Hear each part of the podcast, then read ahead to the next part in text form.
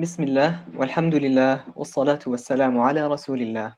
رب اشرح لي صدري ويسر لي أمري واحلل عقدة من لساني يفقه قولي. اللهم وجهنا لما خلقتنا له واصرفنا عما نهيتنا عنه ولا تشغلنا بما تكفلت لنا به. اللهم اجعلنا من جند الخير دلنا عليك أرشدنا إليك فهمنا عنك علمنا منك وأعذنا من مضلات الفتن ما أحييتنا. اللهم انصرنا بالإسلام وانصر الإسلام بنا واجعلنا حجة له لا عليه واجعله حجة لنا لا علينا. السلام عليكم ورحمة الله وبركاته.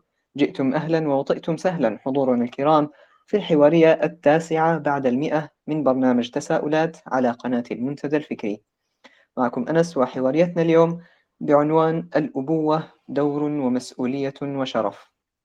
آه نحن اليوم شديدو الحاجة للتطرق لموضوع مثل هذا آه لنعيد النظر في معاني الأبوة الحقيقية هذه الحوارية لكل الآباء والشباب الذين سيكونون قريبا بإذن الله آباء.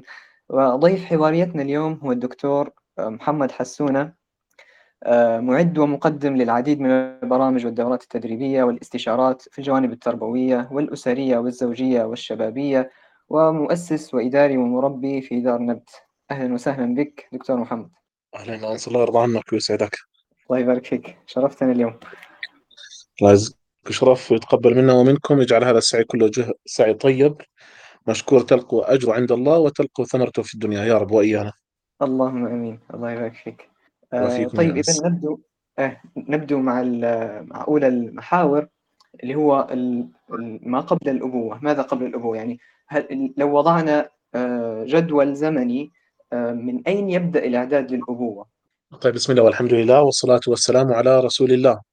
اللهم صل على محمد وعلى آل محمد كما صليت على إبراهيم وعلى آل إبراهيم إنك حميد مجيد. وبارك على محمد وعلى آل محمد كما باركت على إبراهيم وعلى آل إبراهيم إنك حميد مجيد. اللهم علمنا ما ينفعنا وانفعنا بما علمتنا وزدنا علما يا عليم. رضينا بالله ربا وبالإسلام دينا وبمحمد صلى الله عليه وسلم. نبي الرسول يا حي يا قيوم برحمتك نستغيث. أصلح لنا شأننا كله ولا تكلنا إلى أنفسنا طرفة عين. طيب راح أدخل مباشرة في الإجابة على السؤال. وبصراحة يعني قبل ما أدخل أجيب بصراحة أنا الاختيار الموضوع بصراحة هذا جدا مهم. يعني بصراحة كنت سعيد أكثر كمان لما حكيتوا لي انه عموما جزء كويس من اللي بيحضروا مثل هيك لقاءات هم رجال أو هم ذكور أو يعني راح يكون إن شاء الله على خير آباء. لأنه إحنا من المشاكل الكبيرة اللي قاعدين نشوفها في عملنا التربوي هو موضوع هذا الموضوع اللي أنتم يعني توقفتوا عليه. يعني حتى إحنا في شغلي في عندنا مادة تدريبية بعنوان الأب الغائب لأن هاي مشكلة هاي يعني خطيرة بصراحة فأول اولا أسأل الله يعني مجددا يبارك فيكم ويسددكم لما فيه خير وإيانا اللهم آمين. اللهم آمين. أما الآن عودة للسؤال متى تبدأ الأبوة أو من متى يتم الإعداد للأبوة؟ وبصراحة هذه تبدأ من نعومة أظافر الأولاد يعني من هم صغار كيف كيف إحنا مثلا نهيئ أيضا الفتيات لأنهم يكونوا غدا زوجات وأمهات؟ نفس الشيء. فهذه تبدأ باكرا جدا. يعني مش إنه فجأة بده يصبح الواحد أب وفجأة بده الآن يقوم في هذه المسؤوليات. فالأصل أن تكون باكرا. ولكن طبعا بما يناسب كل مرحلة عمرية وطبيعة الإبن والظروف التي يعني موجودة في الحياة. فهذا من متى تبدأ؟ ولكن قبل هذا يعني في قاعدة بحب دائما أنطلق منها إنه يعني هذه المسألة تنطلق من تزكية النفس من قبل من قبل. يعني باختصار أي شخص بده يكون أب أو أي فتاة بدها تكون أم أو أي معلم أو أي إنسان بده يقوم في وظيفة مثل هذه الوظائف هذه الوظيفة تبدأ مسبقا بتربية النفس وتزكيته والسعي إلى الله. فمن لم يسر بهذا الطريق لن يصلح أن يكون ابا لن تصلح أن تكون اما ولن يصلح أن يكون معلما وهكذا. امم طيب هو هذا السؤال الآخر يعني هو شنو هي الحاجات اللي يحتاجها الشخص عشان يكون أب يعني ذكرت البداية تزكية النفس الشخص يبدأ بنفسه ويزكيها نعم. إيش ممكن يتعلم نعم. اخر يعني مهارات أو أشياء تؤهله لهذا الدور هي هي أنا قبل ما أدخل في الجزئية بصراحة بحب يعني إيش هو قبل الأبوة؟ يعني زي ما أنا ذكرت اللي هو موضوع تزكية النفس والسير في طريق يرضي الله سبحانه وتعالى إنه هذا الأثر له آثار كثيرة جدا في موضوع صناعة البيئة للأبناء وحتى صناعة البيئة للنفس. لأنه أنا بدي أكده كمان دور إنه الآن الذي يحدث مع الشباب فجأة إنه بلغ. بعد ما بلغ دخل الجامعة تخرج خلص سنة الحياة بده يتزوج. ففجاه أصبح زوجا. وفجأة أصبح ابا. آه. فهي هي نقطة. هاي نقطة خطيرة بصراحة في موضوع الأبوة. يعني وغير هيك إنه إحنا كذلك لم نهيأ لأن نكون يعني أزواجا ولا آباء بل كثير منا ربما حرم في طفولته في نشأته في تربيته من رؤية الأب. فهو ما ذاق ما معنى الأبوة الحقيقية. هذا بعيدا عن المحور راح نتحدث عنه بعد قليل إن شاء الله اللي هو تشوه صورة الأبوة ووظائفها.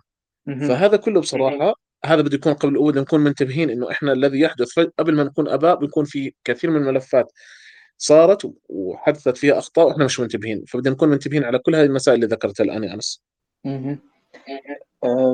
طيب أنا كشخص يعني لست متزوجا. كيف أجهز نفسي نعم. في هذه المرحلة قبل الزواج للأبوة؟ ولا لا بعد بعد ما نتزوج ممكن يصير الاستعداد؟ لا شوف يعني هاي النقطة هل فجأة أن أكون أب ولا أستعد؟ هو الأصل أن يكون دور الآباء في تهيئة أولادهم لأن يكونوا رجالا وآباء. أها. هذا هو الأصل أن يكون حاضرا في, في البيوت المسلمة. إنه نعد الرجال للمسؤوليات نعدهم للقوامة نعدهم للتعارك مع هذه الحياة نعدهم للتعامل مع الأنثى. فأنا لما أكون كأب دوري واضح في هذه الأمور واؤديها أنا بهذه الطريقة اعد أعد ابني بطريقة غير مباشرة لموضوع الأبوة.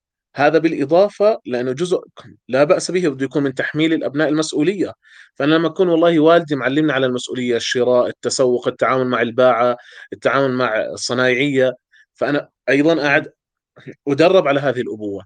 أنا عندما أكون في بيت بيت مطمئن آه، أرى تطبيق عملي للأبوة والزوجية أبي يحسن في التعامل مع أمي وأنا في بيئة فيها الأنثى مكرمة فأنا هذا كله يعد للأبوة.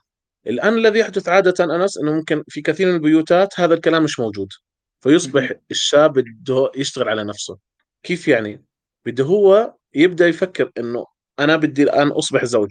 فمن معاني الزوجية بده يعرف أنه يصير أب لأنه هذا الملف عادة يكون مغلق مقفل يعني الشباب حتى البنات لما يقبلوا على الزواج بيجلسوا آه، بنظروا للجمال بنظروا للوضع المادي بنظروا للتخصص وين تسكني آه، تفاصيل كثيرة في حفل الزفاف أمك وأمي ولكن ملف التربية لا يفتح.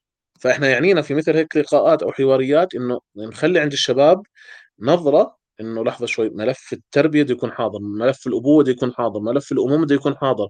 لأن في النهاية لا يعنيني فقط أني أتزوج من فتاة جميلة وطيبة الخلق ولكنها لا تحسن أن تكون أما. وأنا وصيتي كمان نفس الشيء للفتيات ما بس فقط تتزوجي من شاب طيب واخلاقه جيده ولكن قد لا يكون يعني تربويا. ولا نريد أن كل الناس يكونوا يعني علماء تربية ومتخصصين في الشأن التربوي. فهي هاي هو النقطة. الآن يعني واضحه هاي النقطة. انس قبل ما أنتقل لنقطة أخرى أو إذا عندك استدراك أو تعليق. آه لا طيب انتقل. طيب فأنا بهمني اولا نعرف إنه هذه التنشئة الاصل تكون في بيوتنا. وفائدة هذا الكلام اللي حكيته الآن أنا وصل رسالتي للآباء المستقبليين أو الحاليين.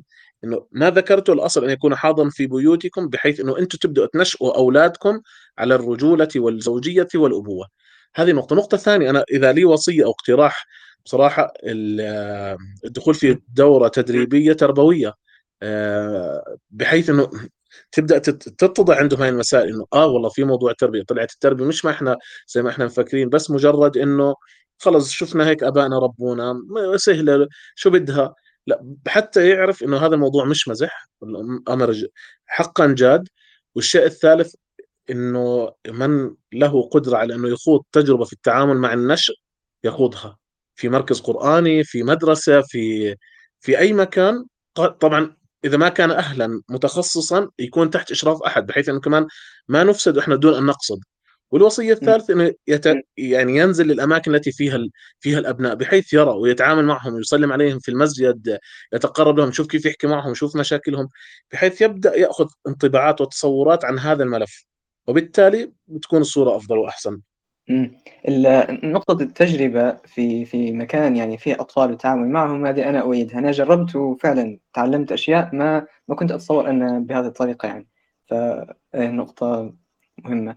وخاصة أهم شيء أنس زي ما ذكرنا تكون تحت إشراف أحد بحيث إنه كمان ما نروح نضيع لأنه مرات بصير في المراكز التربوية أو المحاضن التربوية بيدخلوا أشخاص الله يرضى عنهم نحسبهم على خير ولكن مش أهل لهذا المكان أو لسه بدهم يعني بدهم يعني يتعلموا بدهم خبرة معينة فيفسدوا دون أن يقصد فإحنا عشان نتدارك هذا الشيء يكون في أحد متخصص متابع في هذه المسائل. طيب لو لو آه، جئنا لتأصيل ال- معنى الأبوة ومفهومها آه، بداية من القرآن. كيف القرآن وصف ال- الأبوة؟ الآن يعني أنا مش راح أدخل في النصوص بصراحة القرآنية بشكل تفصيلي ولكن سبحان الله إحنا قاعدين نستفتح الدرس يعني أو اللقاء ت- لما صليت على النبي صلى الله عليه وسلم. وإبراهيم عليه السلام تذكرت قصة إبراهيم مع ابنه ومع تسليمه لأمر الله سبحانه وتعالى وكيف نشأه وكيف جعله يبني معه الكعبة وكيف يعني كان معه في الهدي وغير ذلك من الأمور. فبصراحة أنا الذي يعنيني في في مثل هذه المسائل بصراحة يعني بالإضافة للنصوص إنه لقمان عليه السلام مع ابنه وغير ذلك أنا يعنيني ما لا, لا يكون فقط استدراك يعني استدراك أو ذكر الآيات و و واستحضارها بقدر ما إنه نعيش هذه الآيات حقيقة. نخرج بالتطبيقات نخرج كيف كان الأنبياء عليهم السلام آباء كيف نوح عليه السلام كان يعني شديد الحرص على الخير لابنه ولكن في النهاية الابن اختار طريق آخر. آه، فما استطاع أن يغني عن عنهم عند الله سبحانه وتعالى شيء. كيف اسماعيل إبراهيم عليه السلام كان حريصا كان يدعو لذريته كان يدعو لأبنائه. كيف مريم. آه، الله يرضى عنه ويجزيها خير الجزاء. كيف كانت آه، خايفة على عيسى عليه السلام وعلى ابنها. هذه النصوص لما نستحضرها ونقرأها ونمر عليه يوسف عليه السلام ووالده هذه هي الأبوة بصراحة يعني إحنا لا ننظر لأبوة الأنبياء والآيات التي تتحدث فأنا لو بدي أكون هون أنا أكون عملي مش بس أنا أسرد أنا من يسمع يضع عنده هيك في دفتره ملاحظة إنه ارجعوا لي آيات الأبوة التي يتحدث فيها عن الآباء كيف كانوا الأنبياء كيف كان مشاعرهم كيف كانوا يتعاطوا مع أخطاء الآخرين هذا بصراحة كنز عظيم جدا. ولكن سترون إنه من الشغلات المهمة جدا نطلع منها إنه في الآخر هم يريدون لهم الدنيا والآخرة يعني مش فقط الدنيا. ككثير من من الآباء الآن أو التربية التي تقوم على الدنيا مع إقفال الآخرة.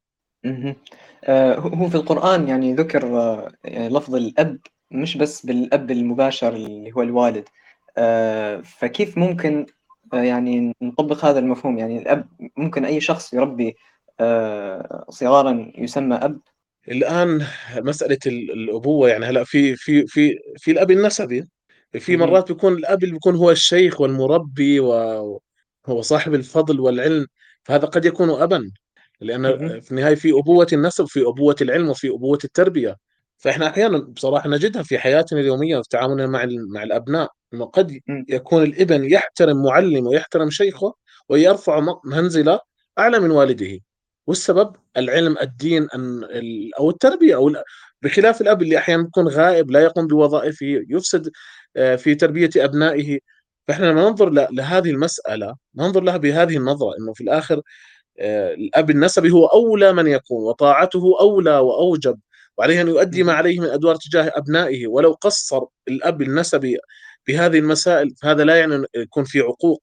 بالعكس هنا اختبار آخر للأبناء في موضوع البر وكيفية الإحسان لهم وكيف نأخذ بأيديهم إلى الجنة وكيف ننظر إلى حسناتهم وغير ذلك.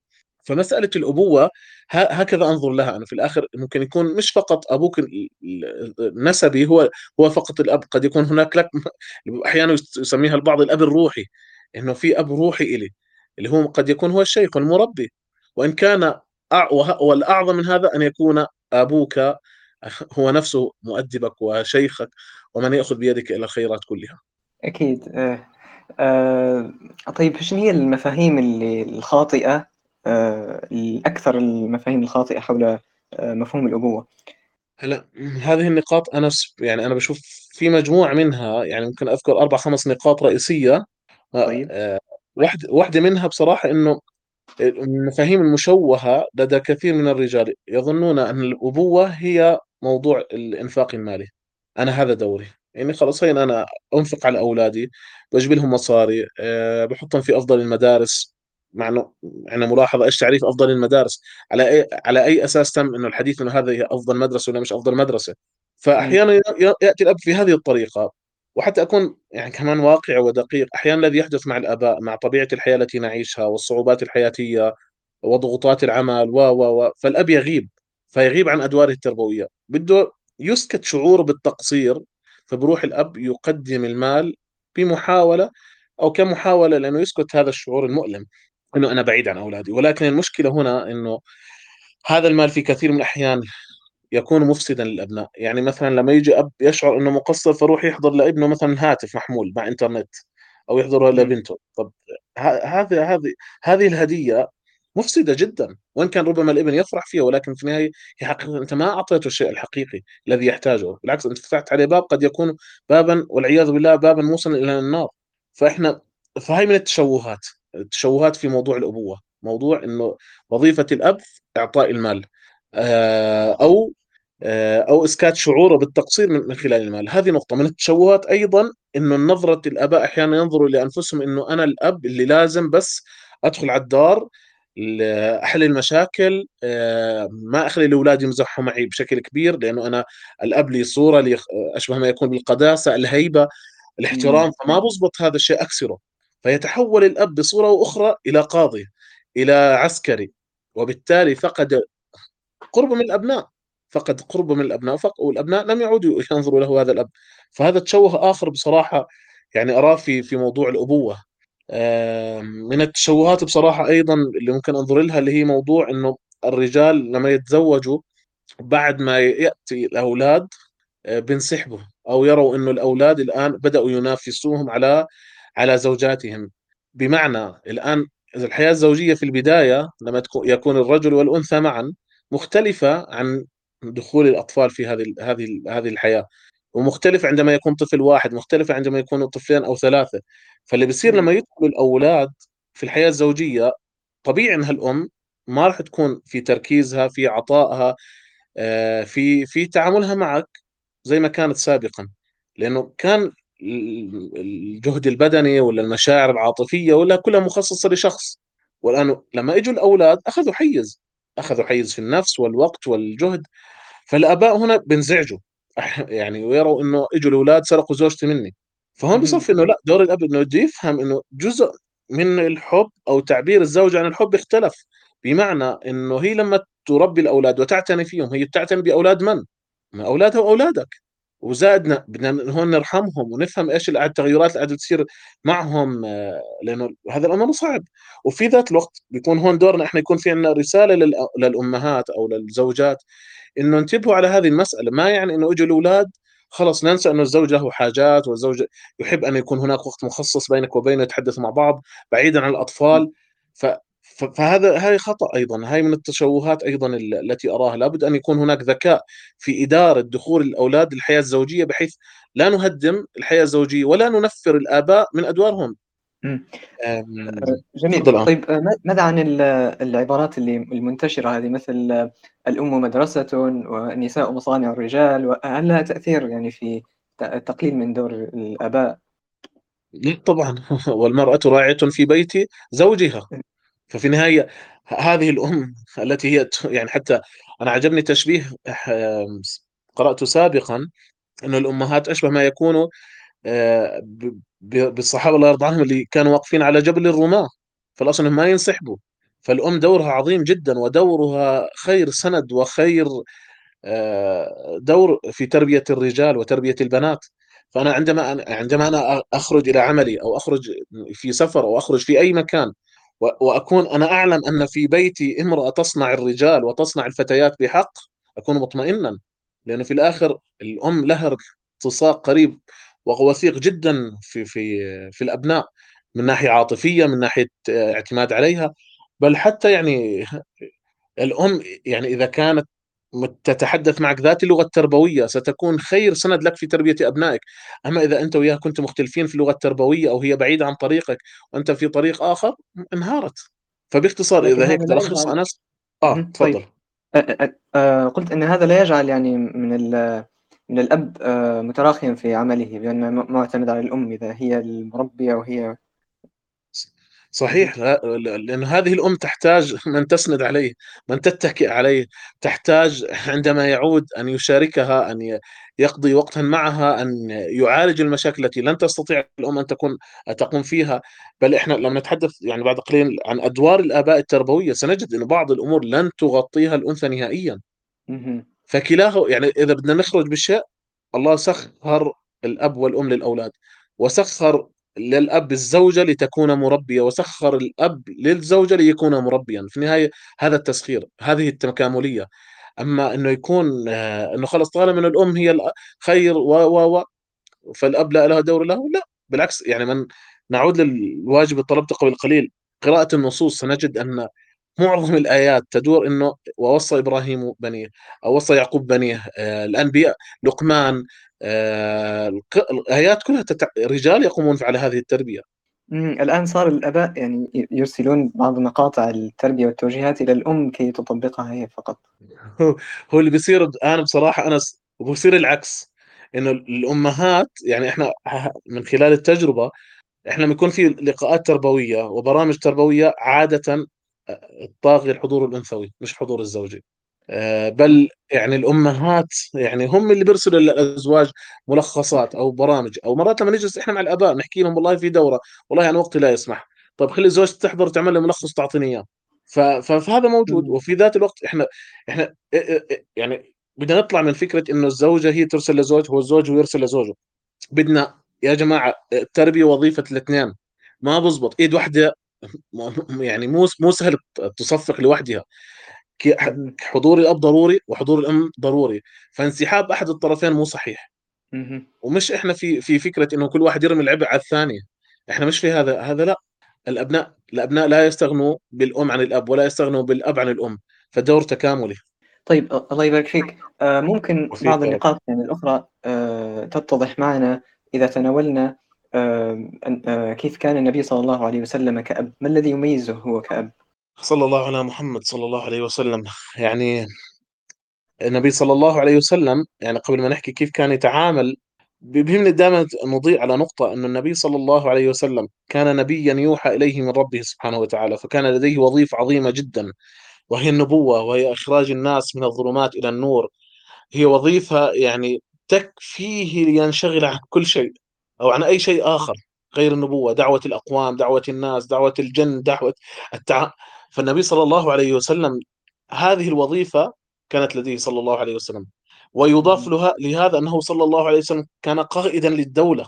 عند الهجرة وتأسيس آه، المدينة المنورة ودولة الإسلام هذه وظيفة أخرى.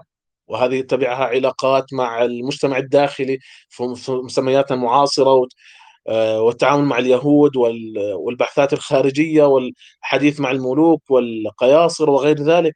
فكان صلى الله عليه وسلم بالإضافة لكونه نبيا كان قائدا للدولة ورأس الدولة وكان أيضا في الجيوش صلى الله عليه وسلم وكان قاضيا يحكم بين الناس وكان أيضا صلى الله عليه وسلم زوجا ولم يكن زوجا لامرأة واحدة بل كان لزوجات كثر صلى الله عليه وسلم. وكان بالإضافة لهذا صديقا وغير ذلك من الأمور ومع هذا مع كل هذه الأشغال التي يعني يكفي الإنسان نقطة واحدة أو أو قسم واحد لينشغل عن الأمور الأخرى ومع هذا كان صلى الله عليه وسلم خير أب لأبنائه وخير آه، أب لأمته صلى الله عليه وسلم وكان حاضرا في حياته وحاضرا في حياة الأطفال. آه، فأنا بهمني هذه النقطة. قبل ما نحكي كيف كان النبي صلى الله عليه وسلم مع الأطفال والأبناء أنه نستحضر أنه مهما كان انشغالنا مهما كان لدينا من ظروف مهما الأصل أن يكون لنا حضور مع أبنائنا. هذا هو الأصل. ولا نسمح للدنيا ومتطلباتها أن تشغلنا. ممكن أفهم أن الواحد ممكن يغيب لفترة. ممكن يكون في في مشكلة حديثة حدثت معه ف فتبعد قليلا ولكن أن يكون الأصل غائبا منشغلا بأعماله وشركاته وسفره هذا مخيف. هذا مخيف. فهذه النقطة الأولى. فأرجو أن تكون واضحة. الآن الآن لو نجي إحنا نتفرج كيف النبي صلى الله عليه وسلم تعامل مع مع الجيل مع الأبناء مع الأحفاد مع أطفال الصحابة سنجد عجبا عجابا. يعني إحنا في دار نبت في نقدم في برنامج اسمه بناء. برنامج بناء مدة ثلاث سنوات وهو للذكور والإناث. في عندنا مادة اسمها البناء التربوي يعني هم بياخذوا مجموعة مواد منها بناء شرعي نفسي تربوي اجتماعي رياضي. فأنا أدرسهم البناء التربوي. وهم يعني الطلاب من صف خامس أساسي لصف 12 فكان عليهم الفصل الماضي والقبله يعني تقريبا حوالي ست أشهر يعني كان عندهم مادة قراءة نقرأ للنبي صلى الله عليه وسلم مربيا. يعني اعتمدنا كتاب الشيخ محمد دويش التربية النبوية وكتاب كيف عمله صلى الله عليه وسلم واخترنا نصوصا معينة وكان منها نصوص النبي صلى الله عليه وسلم كيف كان أبا وكيف كان مربيا. ولك أن تتخيل يعني الواحد هو يقرأ هذه النصوص وهذه الوقفات يجد أنه كثير من كليات التربية وكثير من الدورات التدريبية وكثير منها يعني لا نحتاجها. يعني لو نعود إلى إلى النبع الأصيل إلى النبي صلى الله عليه وسلم كيف كان يقوم بهذه المسم... بهذه الأمور؟ سنجد شيئا عجيبا. يعني على سبيل المثال يعني موضوع إشباع حاجة الطفل على سبيل المثال للتقدير والاهتمام كانت والترحيب بالأطفال كان حاضرا في سيرته صلى الله عليه وسلم. يعني أنا أعجب من النبي صلى الله عليه وسلم عندما قالت عائشة أنها تقول أنه أقبلت فاطمة رضي الله عنها والنبي صلى الله عليه وسلم جالس آه، فمشيتها مش من مشية رسول الله صلى الله عليه وسلم يعني مشيتها تشابه مشية النبي صلى الله عليه وسلم.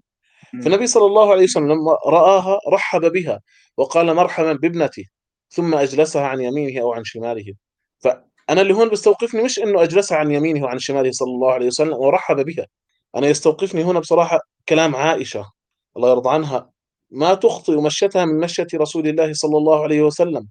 بل في في في رواية أو في نص آخر إنه عن عائشة أيضا الله يرضى عنها تقول ما رأيت احدا كان أشبه سمتا وهديا ودلا برسول الله صلى الله عليه وسلم من فاطمة كرم الله وجهها. ففاطمة كانت تحاكي النبي صلى الله عليه وسلم. أنا وقفتي هون.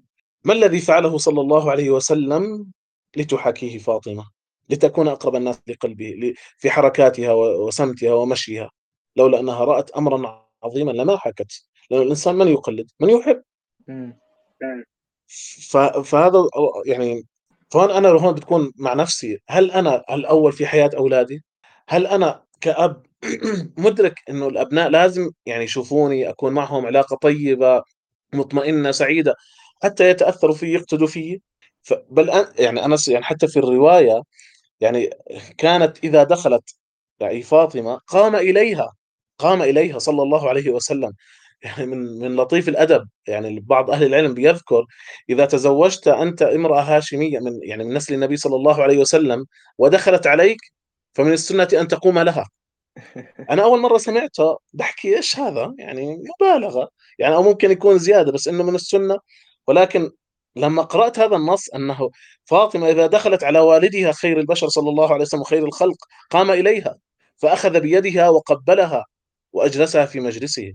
فهذا احترام حضور هذا هذه النفس هذه الطفل هذه هذا الابن هذه البنت.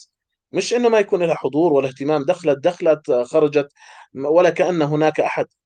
يعني حتى من ناحية نفسية الآن لو أنت تنظر من ناحية غير خارجية هذا الطفل أو هذا الابن أو هذه البنت لما تكون في بيت الأب العظيم القائد الحاكم ال ال ال يقوم لي إيش الحاجات النفسية اللي أشبع لي إياها؟ صلى الله عليه وسلم. فإحنا هون دورنا مع أولادنا.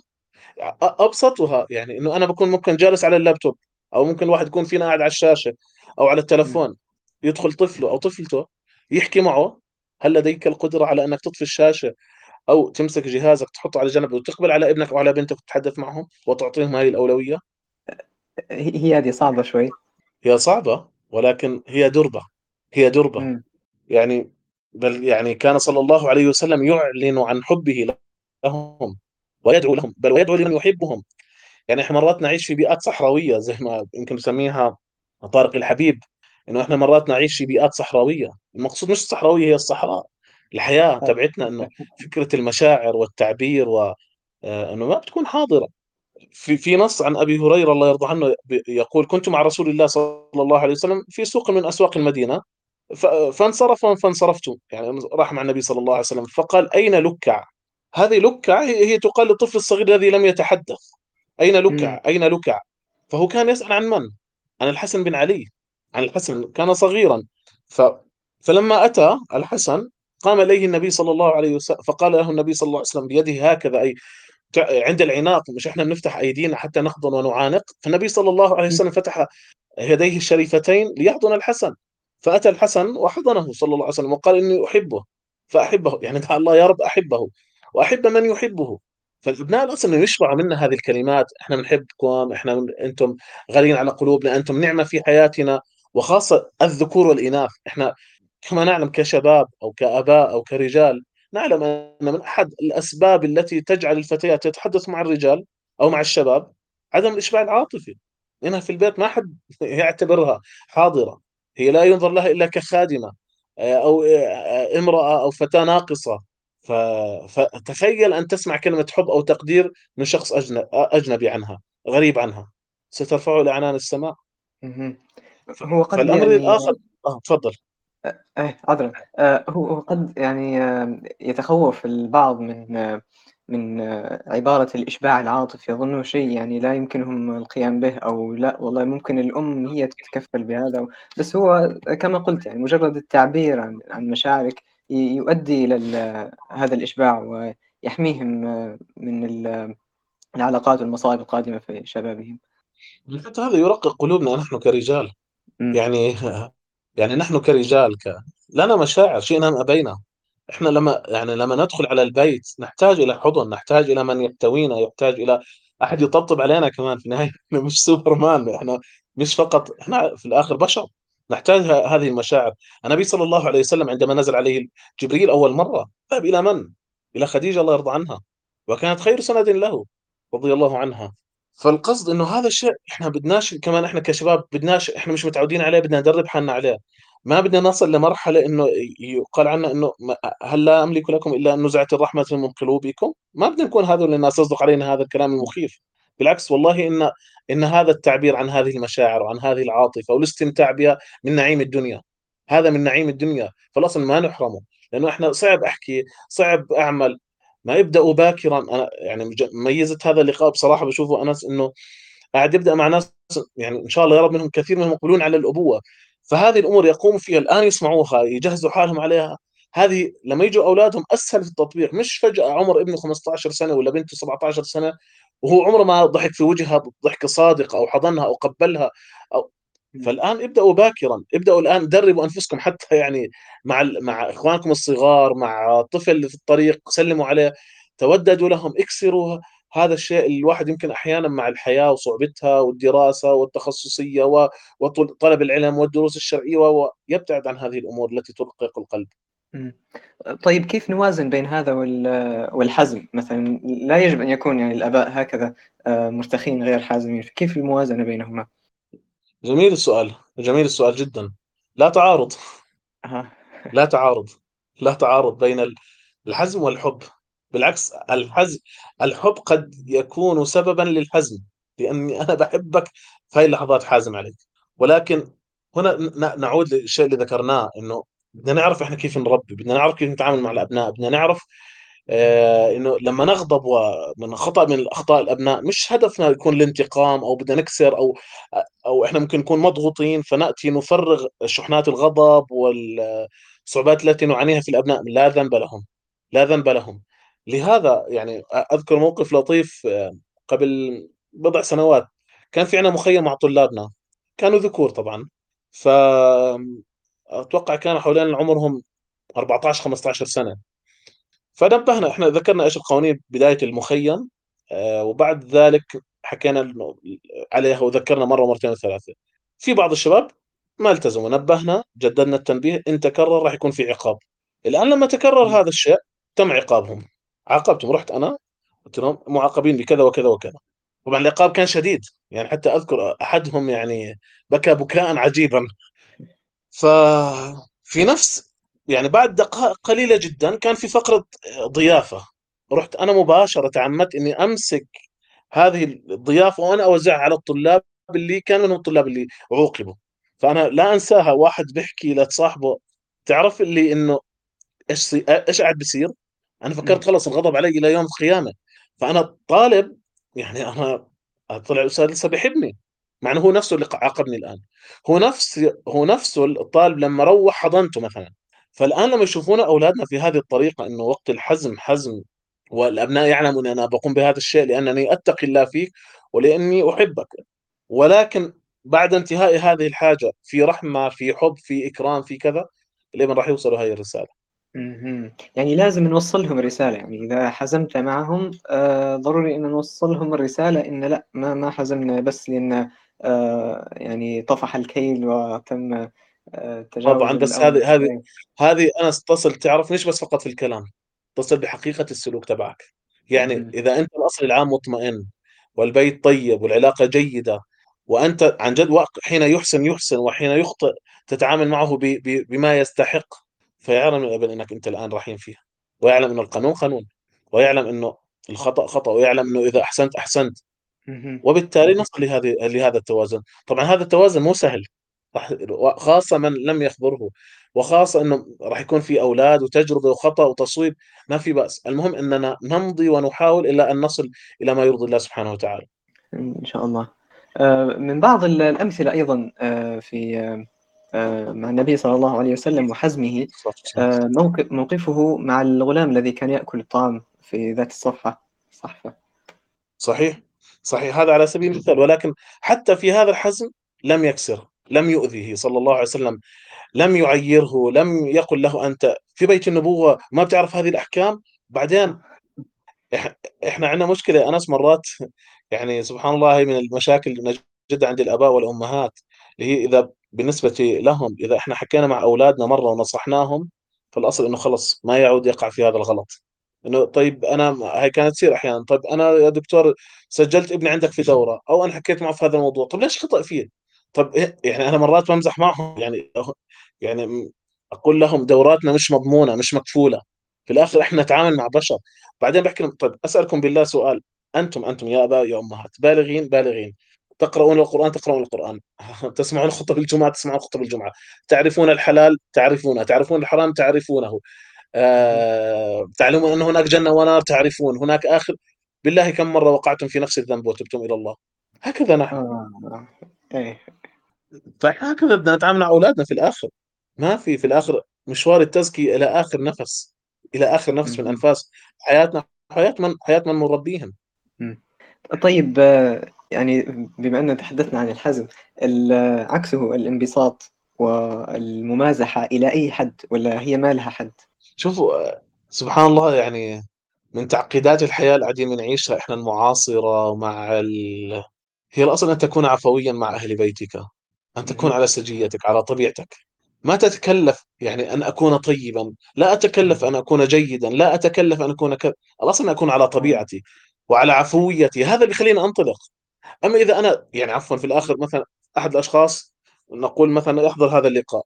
وسمع مني قصصي كيف أتعامل مع أولادي. يعني أنا أتعمد أحيانا في لقاءاتي ما أذكر قصص عن عن تعاملي مع أولاد لأنه ما بدي يكون المعيار هو محمد حسونة بحيث إني أروح حاكي نفس سلوكياته مع أبنائي. لا لأنه شخصيتك غير عن شخصيتي طبيعتك غير عن طبيعتك طبيعتك وزوجتي غير عن زوجتك وأولادي غير عن أولادك. في الآخر إحنا بهمنا القواعد العامة الأصيلة والتطبيقات تنزل. بمعنى آخر الأصل أن أكون عن جد مع أولادي بكل أريحية بكل عفوية بكل طبيعتي. ولكن حتى أكون دقيق أيضا أحيانا يعني حتى ما يكون كلامي يظهر وكأنه يناقض بعضه بعض أحيانا إحنا ما تعودنا على أن نحضن ما تعودنا أن نعتذر لأطفالنا ما تعودنا أن نقول شكرا ما تعودنا. هذا الأمر يتكلف ما عندي بأس فيه. إلى أن يصبح سجية. إلى أن يصبح سجية.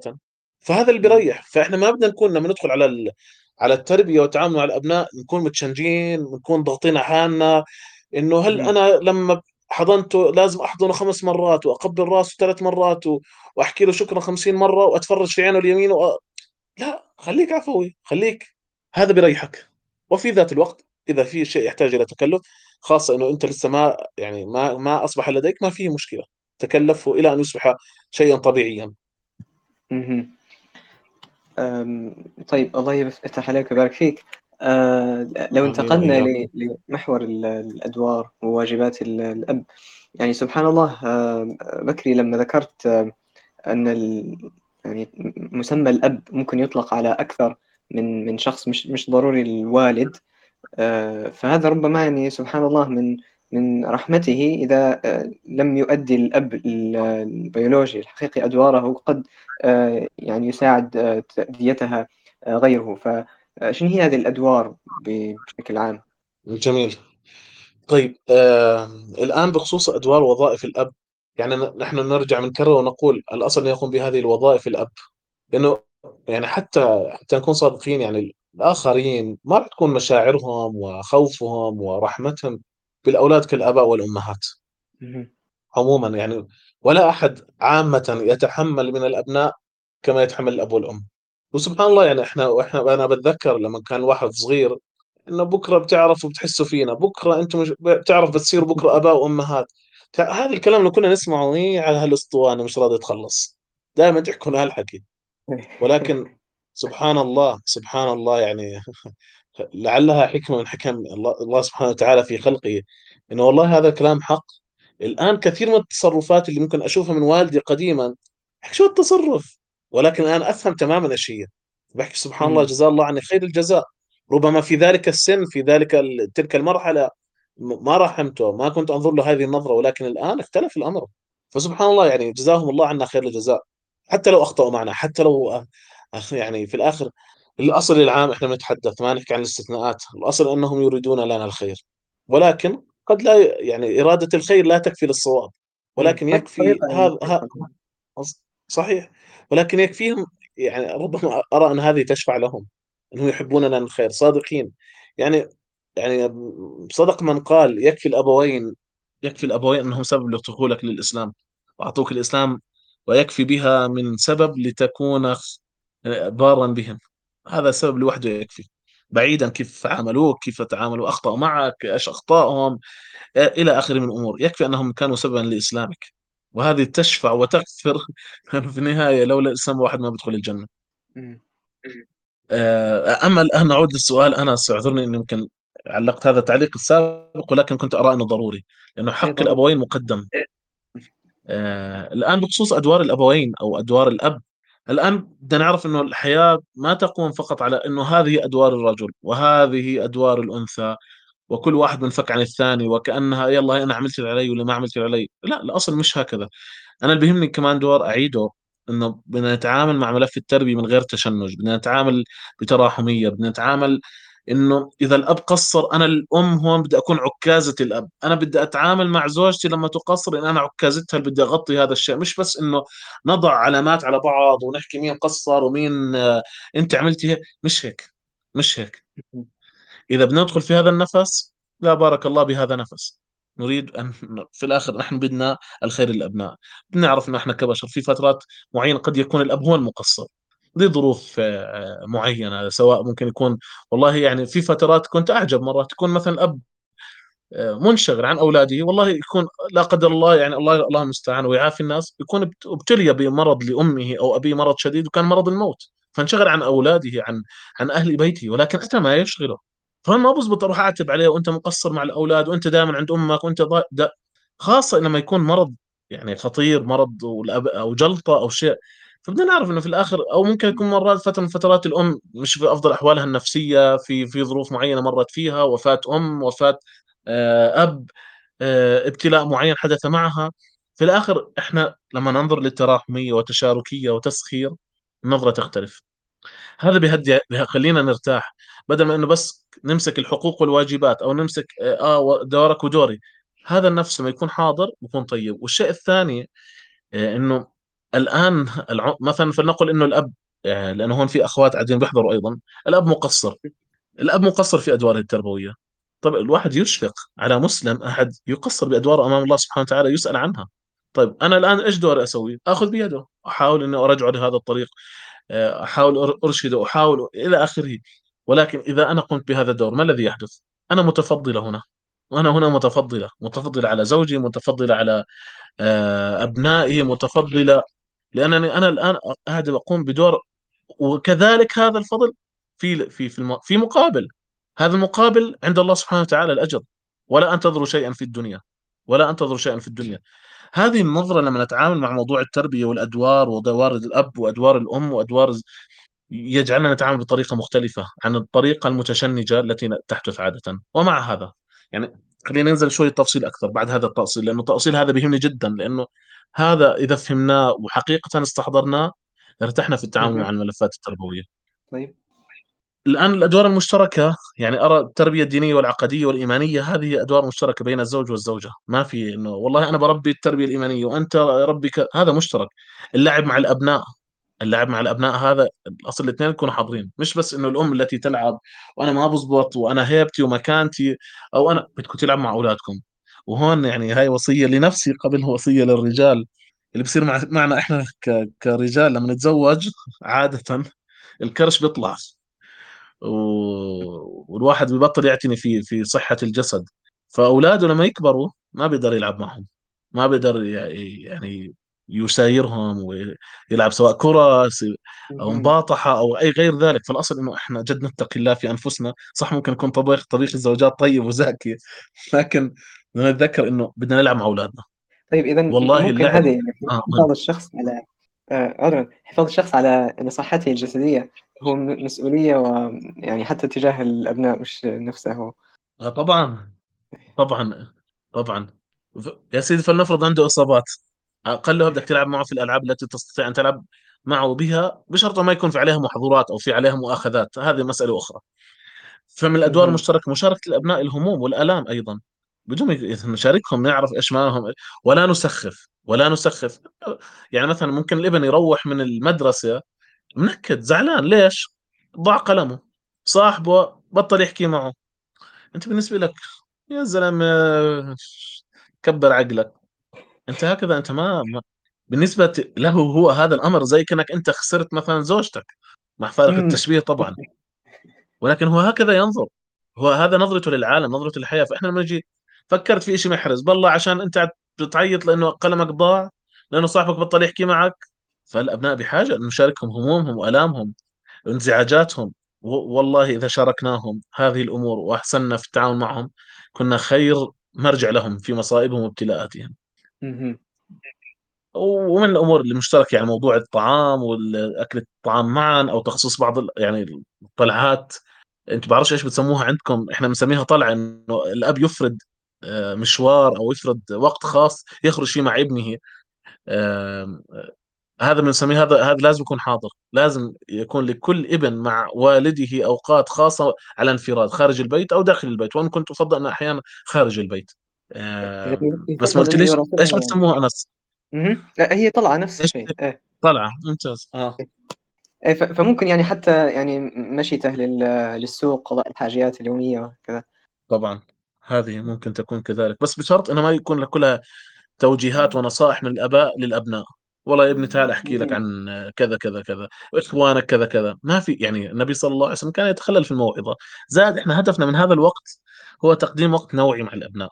بناء علاقة. مش فقط توجيه ودراسة وايش سويت في المدرسة وسودت وجهي و... لا. ولكن هذا لا يمنع إنه أحيانا يكون هذا الكلام. ما في بأس. ما في بأس. بس بهمنا الأصل ما يعني لما نحكي للأولاد تعالوا معنا يكونوا عارفين إنه آه بده يطلعني عشان يبهدلني أو يحكي لي النصائح والدروس اللي حفظناها.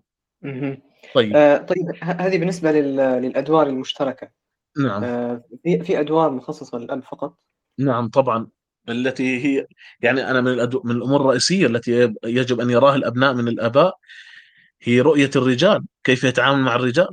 إحنا بدنا الأولاد يعرفوا إنه كيف الرجل بيتحدث كيف بيتعامل مع الرجال كيف بيتعامل مع الأغراب كيف قاعد بيتعامل مع الباعة كيف قاعد بيتعامل مع الكبار كيف قاعد بيتعامل مع آه، الجنس الآخر. لأنه في الآخر هذه التربية سي سي لن تكون فقط في التنظير. تعال أحكي لك ضوابط التعامل بين الذكر والأنثى. غض البصر كذا كذا كذا. جميل جيد. ولكن العمل والقدوة والنظر هذا مختلف. هذا مختلف. فهذا مثلا هاي من الأدوار المهمة جدا. من الأدوار المهمة جدا التي لن يغطيها أحد إلا الأب اللي هي رؤية الإبن. كيف كيفيه وهذا ذكرناه في البداية. كيف يتعامل مع الأنثى التي هي الزوجة وهي الأم؟ وبالتالي إحنا هنا نعلم الأبناء كيف يكونوا أزواج وكيف يكونوا آه، آباء. مش فقط إنه فجأة أتزوج وفجأة بده كيف أتعامل مع زوجتي. فالأصل إنه يقدم خير نموذج. وهذا إذا أنا ما قدمته قد أكون سببا أو إذا يعني لتنفير الأبناء من الزواج أو تأخيرهم من الزواج أو تشويه صورة الزواج. إنه في النهاية ليش أتزوج؟ وأنا شفت أبوي كيف وأمي كيف. وكثير من أسباب العزوف عن الزواج تأتي من بيوت غير مطمئنة نشأوا فيها إنه والله دائما أبوي وأمي مشاكل. وليش أتزوج؟ وهذا كنت أسمع أحيانا من أطفال من أطفال عمر صغير جدا يجوا يحكي بدناش نتزوج ليش؟ دائما مشاكل وشجار وخصومات وصوات هذا الذي يعيش في بيتي. فهذه نقطة هذه لن يقدمها إلا الرجال. نقطة ثانية يعني هي تابعة لها. والأنثى البنت إذا رأت الأب الرجل والزوج الطيب هذا والله أعلم هذا سبب كافي لابتعاد الأنثى عن لوثة النسوية. وبالتالي هذا لن يقد لن تقدم الأنثى فقط هذا سيقدم الرجل. لأنه لما يجي هاي البنت اللي تنشأ في هذا البيت الحمد لله مطمئن وسعيد وفيه علاقة طيب بين الرجل والأنثى وترى كيف والدها يكرم أمها وكيف يتعامل معها و وغير ذلك. لما تيجي واحدة نسوية أو فكر سيء يتحدث معها. الله يرضى عنك تحكيش معي خلص ماشي ماشي. أنا ما ليش؟ لأنها هي شايفة شايفة عندها في البيت النماذج فهي هذا عنصر مهم جدا. آه، أيضا من المسائل التي لن يراها الأبناء إلا من الآباء اللي هي موضوع الجمعة والجماعات والمساجد. أعمال الأعمال الأصل التي يقوم بها الرجل خارج المنزل هي أعمال الأصل أنه الأولاد يربوا عليها. مش الأم تعلمهم كيف تنزل للسوق كيف تتعامل مع الميكانيكي كيف تتعامل مع العمال والأغراء. هذه أدوار الرجال. أيضا من الأمور التي يعني يراها موضوع أنه كيف الرجل هو هو الأم هو الذي يعطي الأنثى الأمان والحماية والسند. الإدارة المالية كذلك أنه الأبناء بدهم يشوفوا الأصل هو الرجل هو القوام على البيت هو الذي ينفق على البيت هو الذي فهذا من سيعلمهم إياها؟ كيف يشتروا؟ كيف يف... كيف يعني يأخذوا السعر الجيد؟ كيف يعرف إنه هذه السلعة جيدة ولا مش جيدة؟ هذا لن تقدمها الأنثى. الآن نعم أعلم انه هناك أحيانا رجال منسحبين من كل هذه الأدوار وقد تكون الإناث يقوموا فيها. ولكن إحنا نحكي الآن الأصل والذي الأصل الذي أن نربي عليه الأبناء. أيضا يعني كنقطة أخرى موضوع إنه كيف الأبناء زيارات يروا الزيارات وجمعات الرجال وبيوت العزاء وصلة الأرحام والمناسبات وعندما يحدث آه، أمر جلل يكون في اجتماع للعائلة ككل. هذه المجالس مجالس الرجال. الأصل أن يشرك هذه من وظائف الأب. هذه لن تقدمها الأنثى أيضا. آه، طيب وكنقطة أخيرة يعني. آه, آه طيب أكمل. كنقطة أخيرة يعني في الآخر الأبناء بحاجة لعاطفة وهذه العاطفة تسقى من أكثر من مكان. فالأم تعطي والأب يعطي والأم لن تغني عن الأب والأب لن يغني عن الأم. فأيضا في حاجة للأبناء أنهم يكونوا قريبين من آبائهم وهذا مرات الأمهات ما بيفهموه أو ما بيكونوا منتبهين له. طب أنا هيني كويسه معه هي؟ طب ليش هو بحب أبوه؟ مع ان أبوه مقصر أو بغيب أو. لأنه هناك حاجة لأن يرى الابن والده. والله أعلم أنس. آه بارك الله فيك. آه معظم هذه الأدوار آه يعني معظمها هي بال آه يؤديها الأب كقدوة. يعني بس يقوم بالأعمال هذه أمام أطفاله وهم يعني آه، يقلدونه أو يتعلمون منه آه، بالمشاهدة وليس بالنصح وإعطاء المعلومات بشكل مباشر. فإيش نعم. هي المواقف اللي ممكن يضطر فيها الأب أنه فعلا آه، يعطي وينصح ويتكلم؟ هلا شوف شوف انس هلا هاي المواقف اللي ذكرناها هذا لا يمنع إنه أحيانا يكون في تعليق وتوجيه. يعني مثلا آه، أنا استيقظت على صلاة الفجر رحت على المسجد.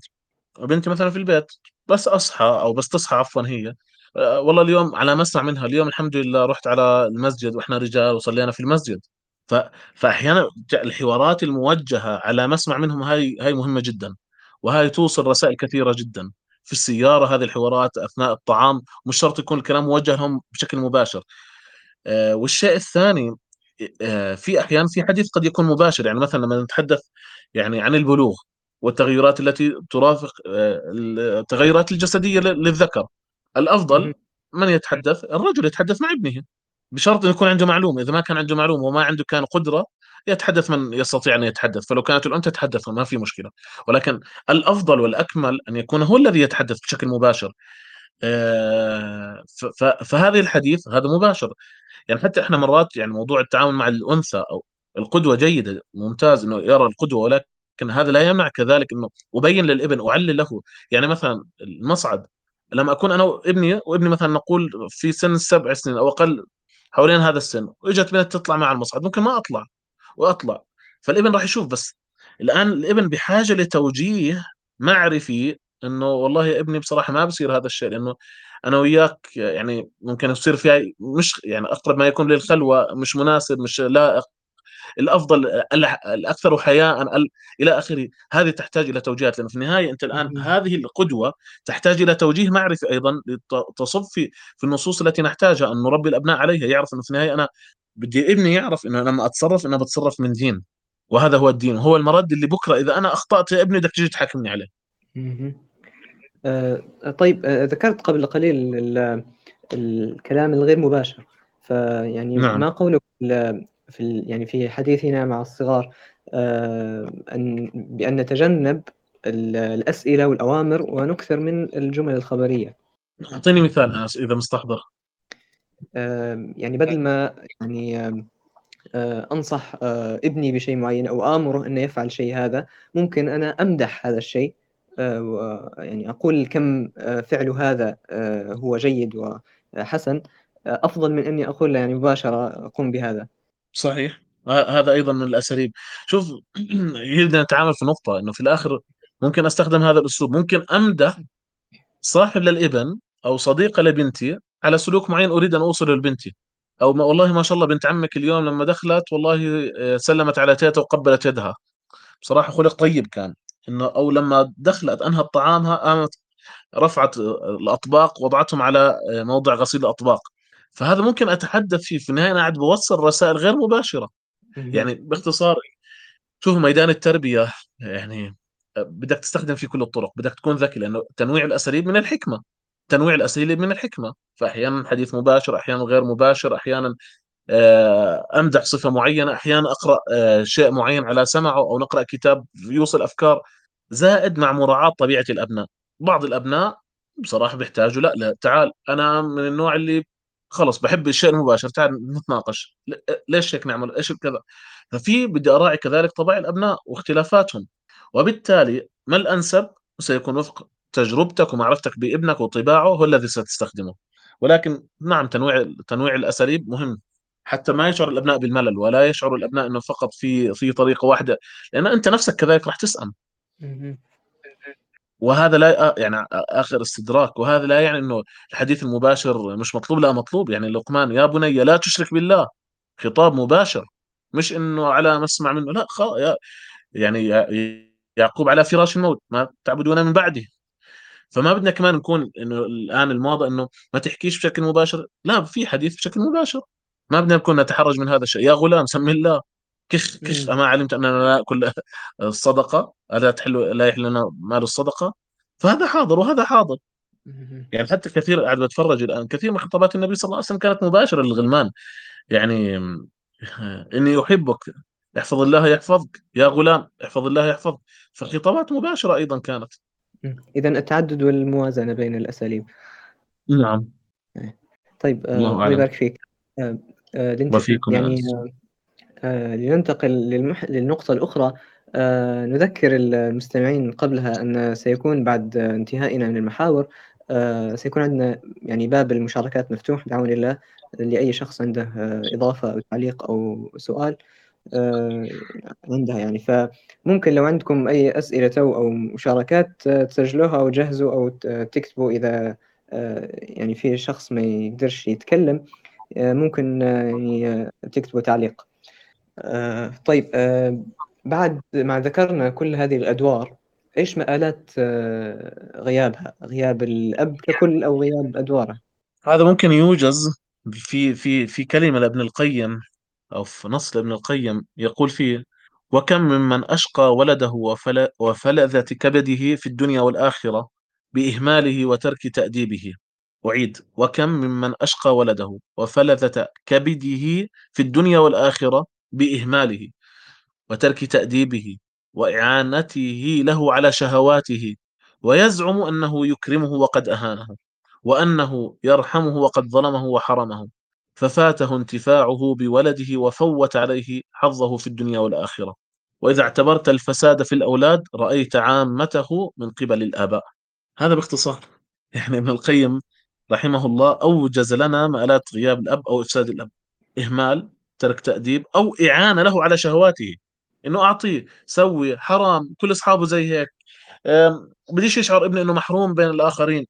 مش مشكلة. آه، لو حكى فالأحيان الإعانة على الشهوات وخاصة في زمن الشهوات هذا وترك التأديب وإنه خلص بكرة بعقله هي قديش فلان هي فلان الشيخ فلان اللي بعرفه كان ما كان أيامه وهو صغير كان بيعمل كذا وكذا وكذا وكذا. والله تاب والله هدى. وهي فلان اللي ما كانت مخليه شب من شرها.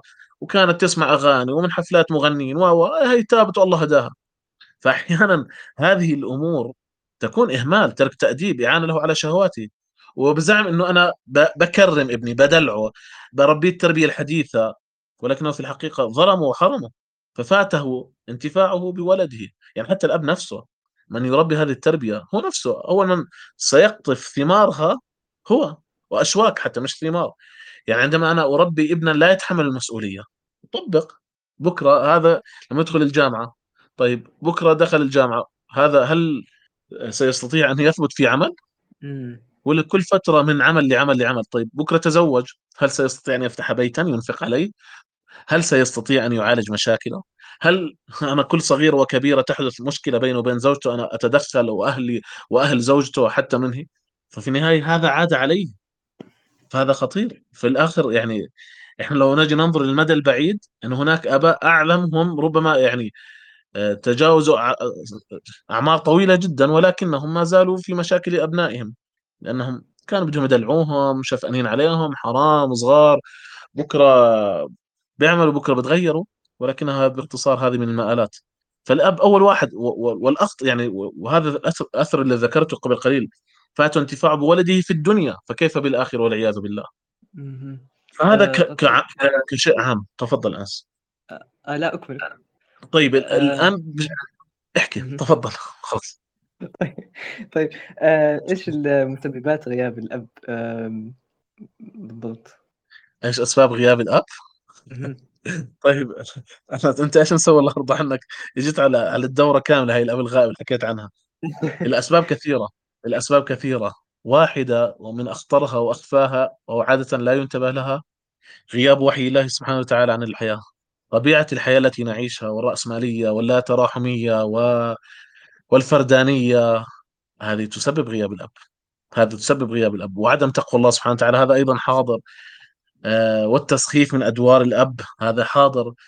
آه هذه من الأسباب. من الأسباب طبيعة الحياة اللي بيعيش الرجل أصلا. يعني لما الرجل يعود إلى بيته الساعة الخامسة ولا السادسة بده يرجع ياكل له لقمتين ويريح شوي وينام. أو بده بده يطلع يشوف أصحابه شوي. فهذه من الأسباب الوظيفة وضغوطات الحياة واحيانا يعني مشكلة التفصيل هذا التفصيل فيها طويل ولكن أحيانا بكون إحنا مرات إحنا اللي بدنا سبب لهذا الغياب لأنه إحنا سقف اللي بدنا إياه بدي أحط أولادي في المدارس الفلانية والمدارس الفلانية بدها الدخل الفلاني والدخل الفلاني اذا لازم أشتغل وظيفتين حتى أجيبه أو أحيانا بتكون الزوجة كثيرة التطلبات وبدي كذا وبدي كذا وبدي كذا وبدي أورجي حالي قدام بنات عمي ويقول ليش كل صحباتي هيك وأنا ما عنديش هيك فالرجل بروح يشتغل ويتأخر. فهي من الأسباب. أحيانا من الأسباب اللي بتكون آه، تحمس الأمهات بصراحة في البداية.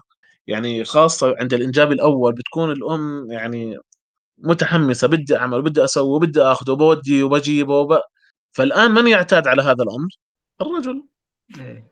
الرجل. خلص اعتاد على الكسل عدم تحمل المسؤولية. بعد ذلك أصبح الأمر كأنه واجبا على الأنثى لوحدها. بعد ذلك ندخل في مشكلة غياب الأب وكيف تتعامل الأم أو الأنثى مع هذه المشكلة وكيف تحاول أن تقلل مفاسدها وكيف وكيف وكيف. فهذه من الأمور التي تدفع الأب للغياب. طبعا هي أكثر من هذا أكثر من هذا ولكن يعني هذا من أبرزها بصراحة النقاط اللي ذكرتها الآن. طيب هو أنا كنت يعني سأسألك عن المقياس إذا يعني أردنا نعرف آه، الأب هذا اللي أمامنا هل هو غائب أم لا المقاييس يعني آه، أغلبها يعني ذكرت هي نفسها الأسباب هل في شيء آخر؟ هلا شو يعني كمان دور آه، مسألة الغياب كيف بدنا نعرف انه الأب غائب ولا حاضر بصراحة يعني الحياة اليومية هي التي تظهر هذا الأمر باختصار يعني الإبن لما تقع مع مشكلة هل راح يحكي لوالده؟ هل راح يلجأ له؟ هل آه. الإبن يرى إنه أبوه قريب منه ولا مش قريب منه؟ هل الإبن يثق في والده؟ هل الابن يعني في لحظات معينة بيحكي يابا أنا يا يا يا والدي يا بابا بدي إياك تيجي معي بدي إياك توقف معي. فإذا إذا شغف الأهل الأبناء تجاه الأب انطفى هاي تعطيك قراءة إنه الأب غائب. الأبناء إذا لم يعودوا يستقبلوا الآباء عموما لما يأتوا ويعودوا هذه علامة. إذا الأبناء صاروا يتهربوا من الجلوس مع الأب هذه علامة. إذا الأبناء أصبحوا يحفظوا الكلام هذه علامة. إذا الأبناء هذا هذه من العلامات هذه من العلامات. يعني باختصار يعني الغياب راح يكون واضح. في حال غياب الأب عن أدواره وهو بل الأب نفسه لما يجلس معهم مش راح يعرف شو بده يحكي معهم ولا الأولاد عارفين يحكوا معه. بينما مثلا ممكن تكون الطرف الآخر الأم ما شاء الله عنهم. قصص وحواديت وهو أخبار وطلعات وجيات و... فإذا كان الأب غائبا هذه الأمور ستختفي. آه طيب آه بعد ذكر مآلات غياب الأب. آه في العنوان إحنا ذكرنا ان الأبوة شرف فإيش ممكن نعم. تحكي لنا عن شرف الأبوة؟ طيب شو رأيك أنس نقلب السؤال أنت آه. متزوج أنس ولا لا؟ لا لسه طيب اعتبر حالك الآن أنت أب كيف ترى هذا المحور طيب سهل يلا تفضل احكي لنا إياه كيف ترى الأب... الأبوة شرف يعني آه، ذكرت أنا جت في بالي النقطة اللي ذكرتها آه، أنت في في منتصف الحوار هي آه، كفى الآباء أنهم يعني يعني ولدوا أبنائهم وادخلوه الإسلام من يعني ولدوا مسلمين على أيديهم. يا والله صدقت. أها. هذه اللي وهذه. تكفي وهذه تكفي. لا تحتاج لتعليق إضافي عليها. يعني حتى الحديث وإن كان في سنده مقال إنه يلبسون تاج الوقار. أنا أنا عندما أكون أبا وأكون سببا لحفظ أبنائي للقرآن ألبس تاج الوقار هذا شرف عظيم. أنا يوم مم. القيامة عندما آتي وأقول يا رب هذا الذي قدمته هذا زرعي الذي زرعت يا رب أنبته يا رب. يعني نحن ندعو في الدنيا أن ينبتهم نباتا حسنا طيبا ولكن نبت وكان طيبا واحد عندما يذهب إلى الله سبحانه وتعالى يحمد الله سبحانه وتعالى على هذا هذا هذا الأمر إنه أنا من نسلي خرج من يوحدك من نسلي من خرج من يأخذ بالناس بأيديهم إلى إلى الجنة من نسلي من خرج من يعلم الناس يؤدب الناس يدعو إلى الناس ينفع الناس في تخصصه سواء كان طبيبا مهندسا أي أي وظيفة. فعند هذا هذا الشرف الحقيقي. فإذا تفاخرت الناس بالنسب و نحن نتفاخر بالعمل عند الله سبحانه وتعالى. طيب الله يفتح عليك. آه، آمين يا رب. آمين. إيه هل عندك تعليق أخير عن هذا ولا ننتقل لآخر آه، آخر محور آخر سؤال؟ ننتقل. طيب آم، لو آم، تبي تعطينا آم، نصائح أو قبل قبل النصائح آه، ممكن ترشدنا لكتب دورات سلاسل أي شيء ممكن يفيد الأبو الآباء الجدد والآباء المستقبلين طيب آه الآن في هذه النقطة في مجموعة نعم. واحدة منهم آه إحنا في دارنت نقدم برامج دورات تدريبية متعلقة في موضوع التربية. فهي دعاية لدارنت فهذا على سبيل المثال. نقطة ثانية بصراحة أنا أحب أنه يقرأ كتاب التربية النبوية لن- للشيخ الدويش وكيف عملهم صلى الله عليه وسلم. آه أيضا رؤية النماذج كمان دور أنا بهمني رؤية نماذج حقيقية لآباء يقومون بأدوارهم التربوية. وهذول والله موجودين. قد يكون بائع بقالة لا تلقي له بالا أنت ولكنه خير أب لأبنائه آه، أيضا إذا كان لي شيء ذكرت الواجب يمكن هذه ثالث مرة بكرره قراءة النصوص آه، النبوية التي فيها يعني فيها حديث عن الأبوة. و- والتوقف على الوقفات التربوية فيها مش فقط مرينا عليها قرأناهم آه، قصة إبراهيم عليه السلام مع ابنه لا الدروس والعبر المستفادة والمستنبطة. وهنا هنا العودة لكتب التفسير بتساعد في هذه المسألة.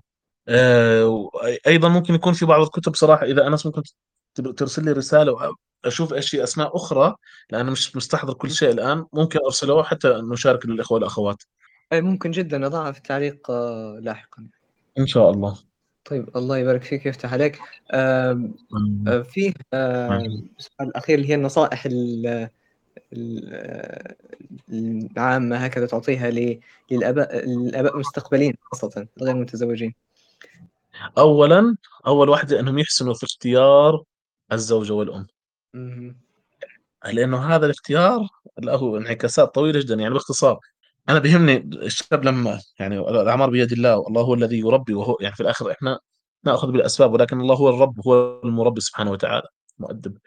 على الأقل يغلب على ظني ان هذه الزوجة لو تزوجتها وكانت اما لأولادي ومت أو غبت لأي سبب من الأسباب أن تتقي الله في اولادي وهذا يكون مهم جدا.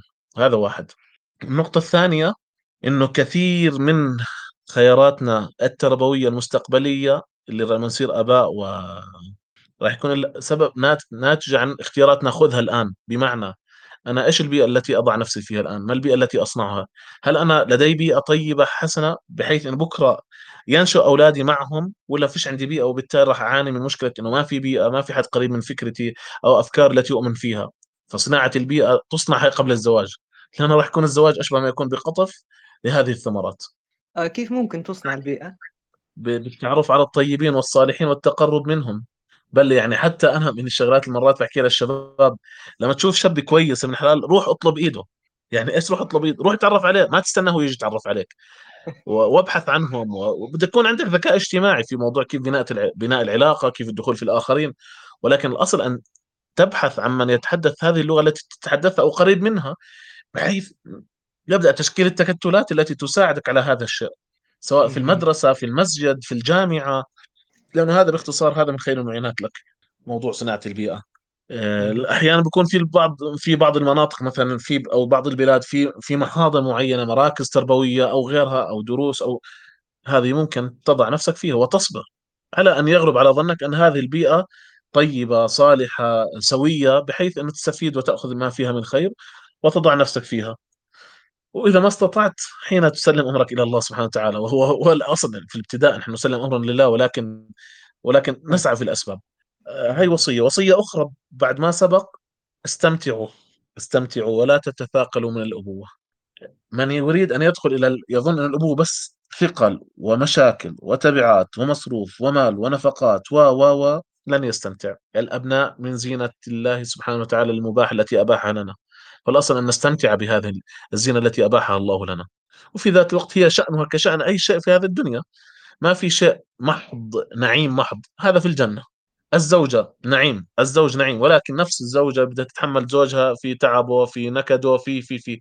وهو كذلك الزوج يتحمل زوجته في كذا وكذا وكذا وكذا. ولكن هي في النهاية هي نعيم الزوجة الصالحة خير متاع من من خير متاع الدنيا الزوجة الصالحة.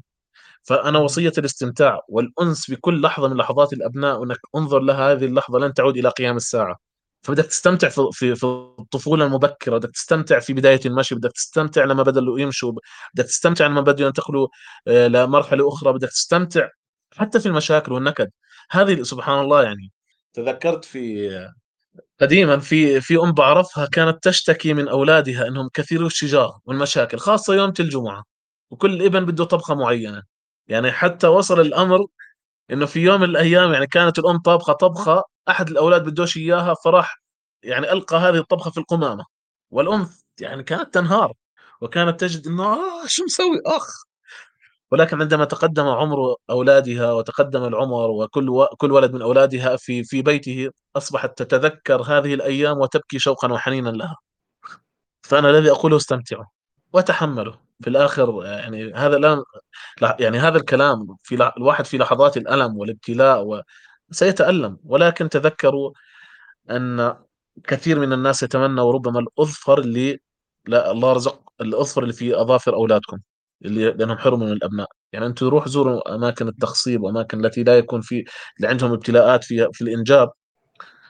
ستعلموا ما الخير الذي لديكم. فاستمتعوا بأبنائكم. ولا تغيبوا عن أبنائكم. وإن غبتم فليكن هناك وقت نوعي يقدم مع الأبناء. وكلما كان حضوركم باكرا في حياة أبنائكم كل ما كان هذا الأمر أيسر وأفضل لكم بالعكس يعني يعني لما تكبروا ما راح تيجي تحكوا طيب ليش اولادي بيقعدوش معي؟ يعني في الآخر إذا ربنا كتب للإنسان عمر وبقي إذا كان بعيدا عن أطفاله وأولاده في طفولتهم وفي بلوغهم وفي وفي لما يكبر راح راح يفقد راح يفقد ليش اولادي بيسالوش عني؟ ليش اولادي بيحكوش معي؟ فإحنا مرات الواحد مشكلته إنه ينسى إنه إذا كتب الله له عمر إنه راح يعاني من هذه المسائل. أيضا يعني ممكن يكون إذا إلى كمان وصية أو وصيتين آه، استحضروا يا رجال إنه كل سعي تسعونه وكل ألم تتحملونه من أجل الأبناء بإذن الله هذا عند الله سبحانه وتعالى. يعني خاصة إحنا كرجال ربما لما نكون إحنا في مرحلة العزوبية إذا اشتغلنا في شغل ما عجبنا أو المدير كان سيء أو صار موقف معين الله الغني عنك وعن شغلك. وبدك تذلنا من أجل المال الله يعوض. ولكن الإنسان عندما يكون ربا لبيته ويكون فيه أو مسؤولية وأولاد قد يتحمل من الأمور التي لم يكن يطيقها ولكن لتغليب مصلحة على مصلحة. أو يتحمل هذه المفسدة دفعا لمفسدة أكبر من ضياع أولاده والإنفاق عليهم. فاستحضر أن هذا كله لن يضيع عند الله سبحانه وتعالى. وأنا نصيحتي كمان يعني أعتبروها قبل الأخيرة ولا شيء أعينوا زوجاتكم يا رجال. يعني أنا من الشغلات اللي تؤلمني أحيانا في الاستشارات لما يكون موضوعها تأتي الأم وتشتكي غياب زوجها ويؤلمني أكثر لما تبكي الأنثى أمامي. لأن يعني أرى أنه كيف وصلت يا رجل لمرحلة تخلي زوجتك تبكي أمام الأغراب. أنا أرى هذه يعني ما توصل زوجتك لامور فوق طاقتها. وهذه أراها من المروءة ونحن مسلمون وعرب كذلك. فأصحاب مروءة أصحاب نخوة. في الأصل ان لا نوصل زوجاتنا لهذا الأمر. ونؤدي ما علينا. بس هذا بايجاز هي نصائح للآباء الجدد. يعني هم مقبلون على حياة جميلة متعبة ولكن في جنة. طيب الله يبارك فيك ويفتح عليك وينفع بما قلت آه آمين. طيب الآن آمين. آه نفتح باب المشاركات. آه أي شخص عنده مشاركة سؤال أو إضافة أو تعليق ممكن يرفع يده ونفتح له المايك فعندنا أول مشاركة من الأخ حميد. تفضل أخ حميد. السلام عليكم ورحمة الله وبركاته. آه بارك الله فيكم جميعا على هذا الطرح. شكرا بارك الله فيك آه دكتور محمد حسونة. آه تحفتنا الحقيقة ومعلومات مهمة. وكذلك الأخ أنس شكرا بارك الله فيك. آه على هذا الموضوع النير.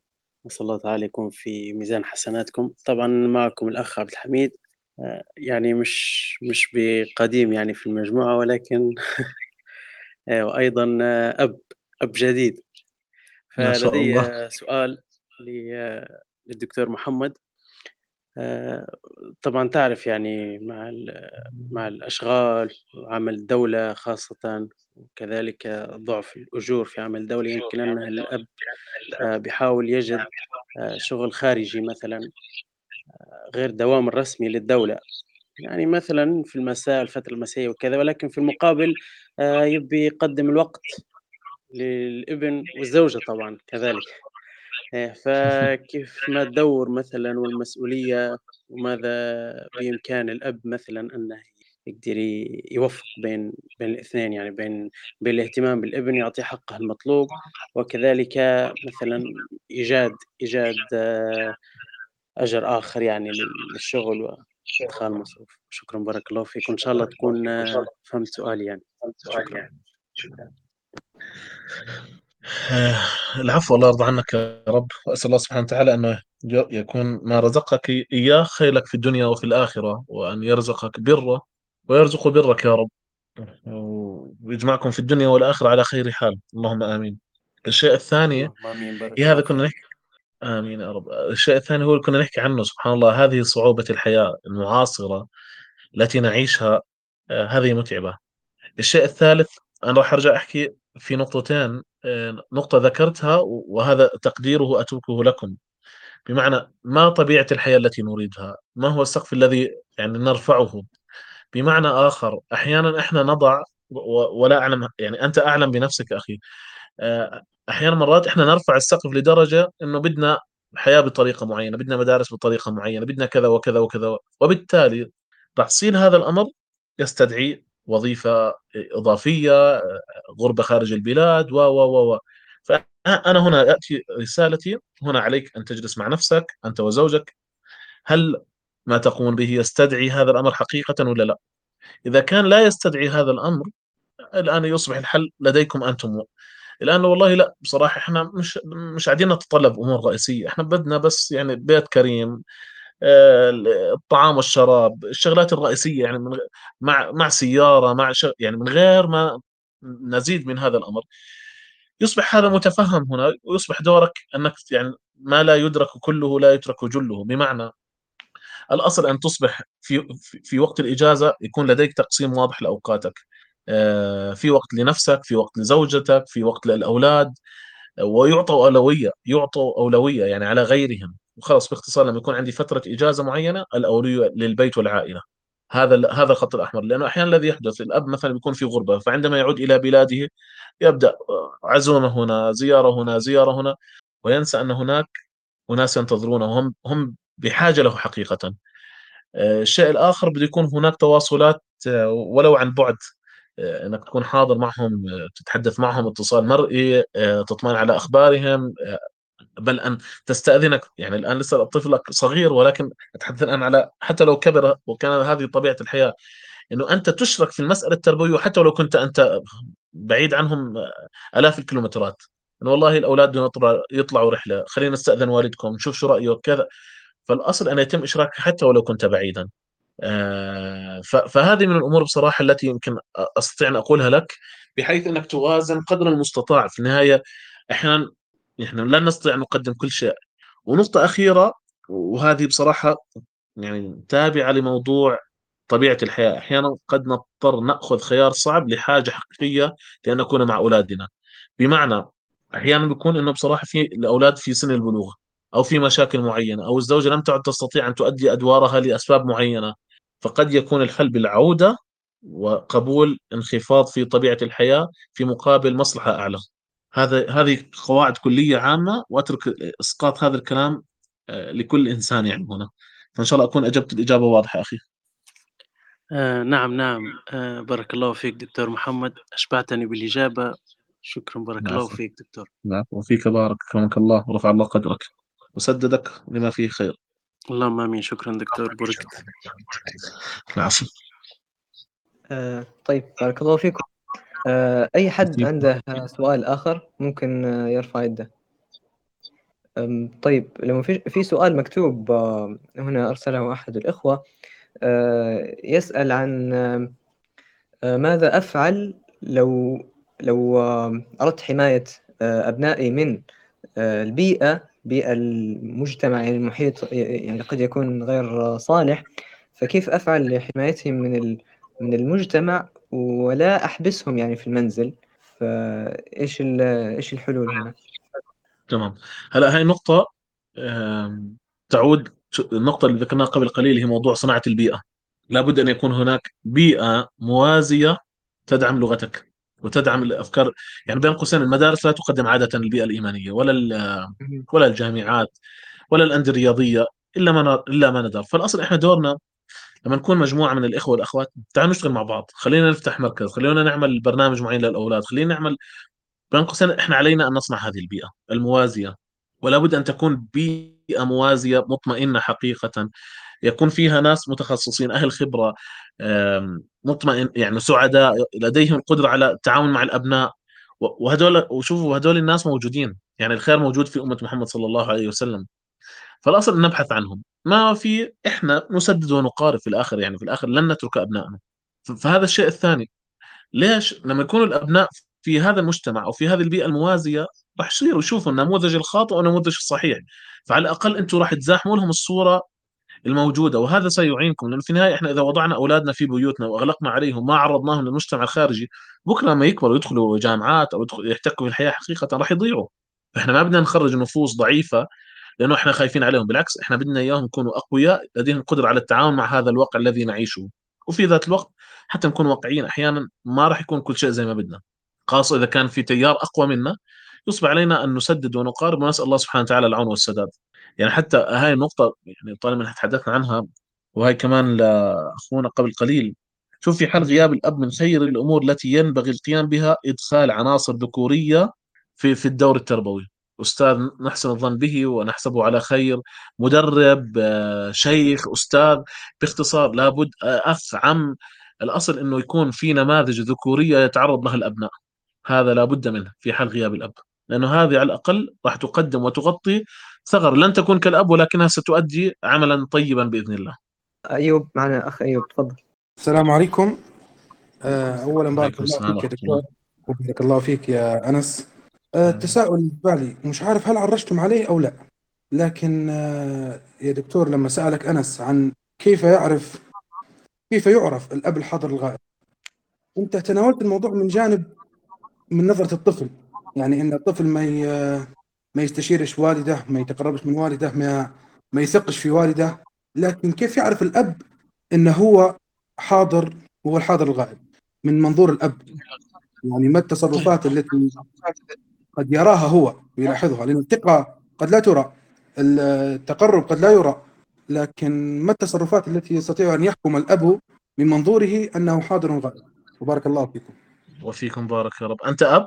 لا لا لا. غير متزوج. طيب. طيب أمان. أسأل الله أنه يعني يرزق الزوجة الطيبة التي تسر قلبك في الدنيا والآخرة. يا رب. طيب. باختصار أنا كأب لما ما أخرج مع أولادي. أنا كأب لما أجي أتحدث مع أولادي أجد إجابات قصيرة جدا وزهد فيه أنا كأب لما ما أصطحب أولادي معي إلى الأسواق آه، أو إلى تجمعات الرجال. أنا كأب لما ما ألعب مع أولادي. أنا كأب لأنا ما بعرف إيش المشاكل أولادي. أنا لما أكون أب ما بعرف إيش اللي بيسعدهم إيش اللي بيحزنهم. أنا كأب ما بعرف مين أصحابهم. أنا كأب ما بعرف وين وص- تحصيلهم الأكاديمي. أنا كأب ما بعرف تدينهم. أنا كأب ما بعرف إيش بصير معهم جوا الدار. هذه من علامات الغياب. هذه من علامات الغياب. أنا كأب لما أشعر إن أولادي أنا لما أجلس معهم لا أستطيع أن أتحدث معهم. ما بعرف إيش أحكي معهم. مش هذه من العلامات. والله أعلم. طيب بارك الله فيك. وفيك. أيوب وصلتك الإجابة بأيوب بس حتى يعني واضحة الإجابة؟ نعم نعم. بارك الله فيك. جزاك الله خير. وفيك بارك وإياكم. طيب عندنا مشاركة أخرى من آه، الأخ حميد. السلام عليكم ورحمة الله وبركاته. عبد الحميد مجددا. السلام ورحمة الله وبركاته. أهلا وسهلا. شكرا بارك الله فيكم. آه، دكتور آه، هو استفسار يعني. مثلا ما رأيك ب ب بتبادل الأدوار بين الزوج والزوجة يعني ليس الأدوار الفعلية مثلا أن الزوج تق... آه، الزوجة تقوم بأدوار الزوج أو الزوج يقوم بأدوار الزوج. مثلا عند تربية الأطفال يعني مثلا آه، هو هو مش مش تبادل أكثر من أنه مثلا آه، توافق بين زوج وزوجة مثلا يتفقوا على طريقة معينة مثلا للعتاب. عتاب الأطفال مثلا اليوم أنا زعلت على ابني شوية مثلا هيك قويت في, ال- في الكلام يعني. نعم. وبالمقابل الأم يعني جيت تستعطف عليه مثلا تقول له هذا أبوك هو يبي مصلحتك مثلا بهذا الشكل. وبالمقابل المرة الأخرى بالعكس يعني الأم هي من تقوم بالعتاب والأب هو اللي اللي يريه يعني. مثلا نقول له هذه أمك هي تبي مصلحتك ومش قصدها هيك وهذا لأنه هو الصح. فما رأيك في هذه الطريقة يعني؟ هل هي طريقة مناسبة مثلا؟ إن شاء الله تكون فهمت السؤال دكتور. شكرا. العفو العفو. بالعكس سؤال طيب. آه، هلا أهم شيء آه، قبل قبل ما أجيب على الجزئيه بعينها بهمني أنا هناك وظائف لن يقوم بها إلا الرجل وذكرنا منها جماعات الرجال المجالس المساجد المسؤوليات هذا هو الأصل. ولكن أحيانا قد يكون في اتفاقيات داخلية بين مثلا أنا كأب ما دخلني في تدريس الأولاد. أنا إذا بدي أجلس أدرس الأولاد مثلا أنا طبيعتي لا أطيق هذا الشيء وراح أعصب على السريع وراح أغضب وراح يمكن أصرخ عليهم و و و. فهذا ممكن أنسحب فيه في مقابل إني راح أدي وظيفة أخرى أو إنه موضوع إيصال الأبناء إلى المدرسة واستلامهم وكذا انت قوموا فيه في مقابل إن أنا راح أقوم في شيء آخر. طالما الأمور لا تؤثر على صورة الر- الرجل ولا صورة الأنثى بصفي الاتفاق وإدارة هذه المسائل بين الزوجين ما فيه بأس. هذه نقطة. الآن النقطة اللي ذكرتها أخي أيوب موضوع إنه آه، عفوا مش أيوب آه، حميد اللي هي مسألة إنه مرات بدنا نكون نتصرف بحكمة مع الأولاد فمرات أنا بشد كأب والأم تخفف هذا الضغط أو العكس هذا حكمة هذا حكمة بحيث إنه نجعل البيت مطمئن ونجعل الأبناء يعلموا إنه مش الطرفين لما لما أنا أكون شاد وزوجتي تكون شادة في الآخر قد نكون قاعدين نفسد. لا إحنا مرات بدنا الله يعافينا مرات من أساليب تحقيق المخابرات اللي بيكون أو التحقيقات اللي بتكون مع ال... بيكون أكثر من واحد بيحقق. واحد بيستخدم أسلوب الترغيب واحد بيستخدم أسلوب الترهيب بحيث إنه إذا ما زبط هذا يزبط هذا. فكذلك نفس الشيء إحنا بنكون عندنا ذكاء في التعامل مع الأبناء. أحيانا ممكن خلص أنا. كأب أخذ أدوار معينة في مقابل إنها زوجتي تخفف من هذه الحدة ومرات العكس. فهذا ما فيه مشكلة والله أعلم. آه، نعم تمام. آه، شكرا بارك الله فيك. لأن رأيت مثلا هذا الأسلوب يكون أفضل أنه باش ما يكونش مثلا حتى لا يكون الدور ال- الشخص اللي يعاتب مثلا على على الزوج أو الزوجة مثلا. يعني في المقابل الطفل دائما حي حيميل سيميل يعني للطرف اللين أكثر. لأنه صحيح. هو اللي بيست... بيعطف عليه وبيحتضنه يعني. فقلت يمكن صحيح. هذه الطريقة تكون طريقة سليمة يعني حتى في في, تبادل. إيه. شكرا بارك الله فيك صحيح. دكتور. العفو العفو. بس هون بس أضيف كمان نقطة. من أهم الشغلات اللي بتساعد على نجاح العملية التربوية الاتفاق الزوجي أو هناك لغة تربوية مشتركة بين الزوجين قدر المستطاع. يعني مثلا إحنا كأهل ب- بدناش PlayStation بدناش شاشات. فالأصل انه أنا وزوجي نكون على هذا الخط بحيث إنه الأبناء خلص ويصلهم إنه يعني هذا الأمر. مش إنه مثلا أنا ما بدي كأب والزوجة تروح تسلم الأولاد في غياب مثلا الهاتف لأنه هذا راح يشوه أو يشوه العملية التربويه أو مثلا أنا أكون اليوم حكيت لابني اليوم ما راح تنزل مع أصحابك إنك عملت كذا وكذا وكذا. يروح الابن للأم الأم تحكي روح على الله خلاص انسى. نحن بهذه الطريقة نفسد العملية التربوية. فالأصل يكون كذلك في في لغة تربوية واضحة مشتركة بيننا إحنا كزوجين ولكن هذا لا يعني ما يكون في حكمة في إدارة العملية التربوية. والله أعلم. تمام بارك الله فيكم.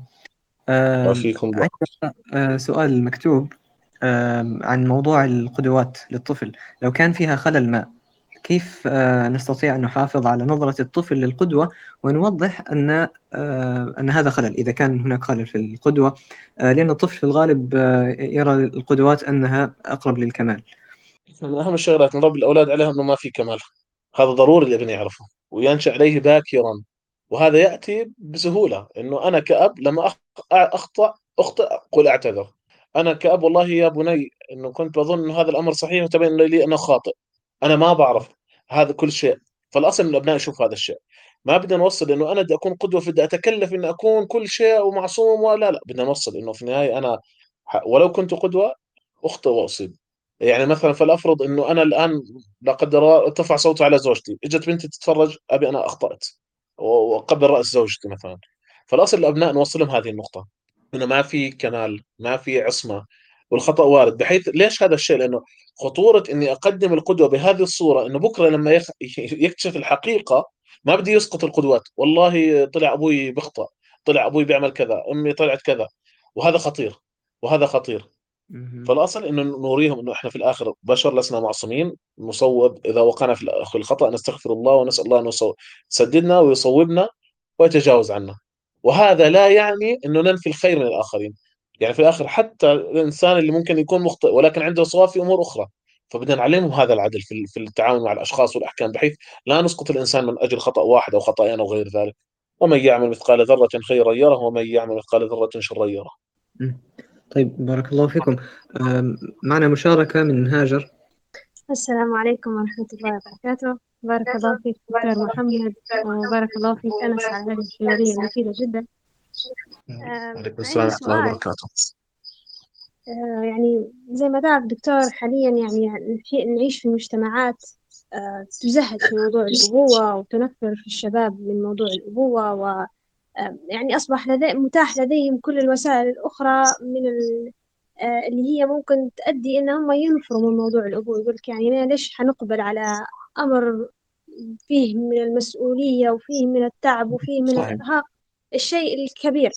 فأنا ليش نقبل على هذا الأمر؟ يعني أنا إنسان قاعدة حر أستمتع يعني للأسف في من الشباب اللي عنده وسائل محرمة يستمتع بها وغيرها من هذه الأمور. فأنا كيف ممكن إني نزرع في الشباب سواء كان اليافعين أو حتى الأصغر منهم سنا أو حتى الشباب الراشدين إن نحببهم في مفهوم الأبوة نحببهم في الأبوة. نزرع نعطيهم قيمة معينة تخليهم يقبلوا على الأبوة وهم مدركين للمسؤولية والدور العظيم والشرف العظيم هذايا. شنو هي الأساليب جميل. اللي ممكن تخليني يعني تخليهم يقبلوا على الأبوة؟ وبارك الله فيك. فيكم بارك يا هاجر. شوفوا المسؤولية متعبة شئنا ما أبينا حياة العنوسة أو حياة آه الفردانية من غير الزواج من غير سهلة من جوانب كثيرة. فهي مسؤولية الزواج مسؤولية يعني والإنجاب كذلك مسؤولية والتربية مسؤولية. فواحد حتى يكون صادق نعم فيها ثقل. ولكن بدنا كذلك عدم الزواج وعدم الإنجاب هذه مسؤولية أخرى أيضا. الاختيار الآخر له تبعات وهذه التبعات قد لا تظهر إلا بعد سنوات طويلة. فأحيانا إحنا الذي يحدث إنه آه أنت يا حرام أنت يا حرام أنت آه خلفت وجبت أولاد ورايح تشتري أغراض وخضرة و و و. ولكن هذا نفسه بعد سنوات الشخص الذي يسخر ويضحك عندما يخلو عليه البيت عندما يكون لوحده لا أحد يعتني به عند مرضه أو عند تقدمه في العمر يعلم أن الله حق. يعلم أنه أفسد سنوات من حياته أو تأخر أو إذا أقبل على الزواج ولم يرزق بالأبناء لتؤخر عمره أو تأخرها في الزواج حينها سيعلم ما الذي يعني جناه فليتحمل المسؤولية هنا. هذه نقطة. نقطة أخرى نريد أن نبرز النماذج الطيبة. بين قوسين خير وسيلة أن تعرضوا نماذج طيبة. وشوفوا أساعدكم بزيادة. عندما يعني مثلا يكون هناك أستاذ مربي أو مدرب يتقي الله أو كذا هذا هذا قد يكون خير معين على مزاحمة صورة التنفير من الأبوة. بالعكس حتى قد يتمنى الإبن هذا أن يكون والده كمدربه أو كمربيه أو كمعلمه. والشيء الثالث أن يعني الآباء علاقتهم طيبة بأولادهم أن يظهروا أن يظهروا هذه الصورة. إحنا مرات بنخاف من العين وبنخاف من الحسد فبدناش نورجي العالم إنه إحنا الحمد لله آباء كويسين وأولادنا مبسوطين معنا.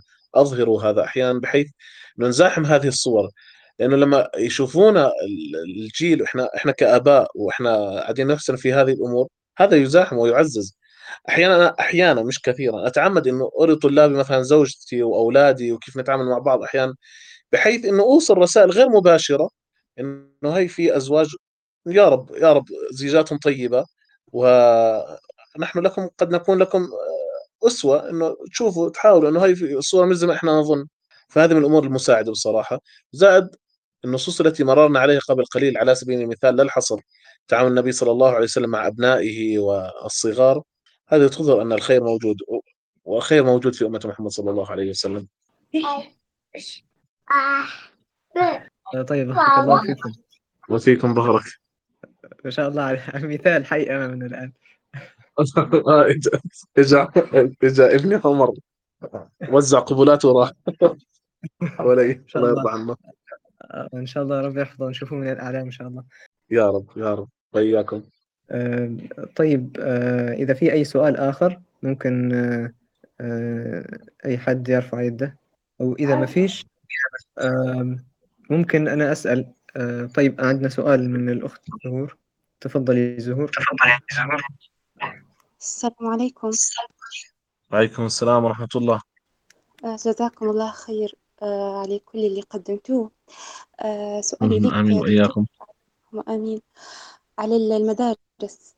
آه، بما أنها يعني آه، بيئات تعتبر غير حاضنة أو نافعة للأطفال فكيف يمكن أن إحنا نحموهم منها؟ يعني سواء على سبيل السلوكيات والأخلاقيات واللي يتلقوه من المناهج.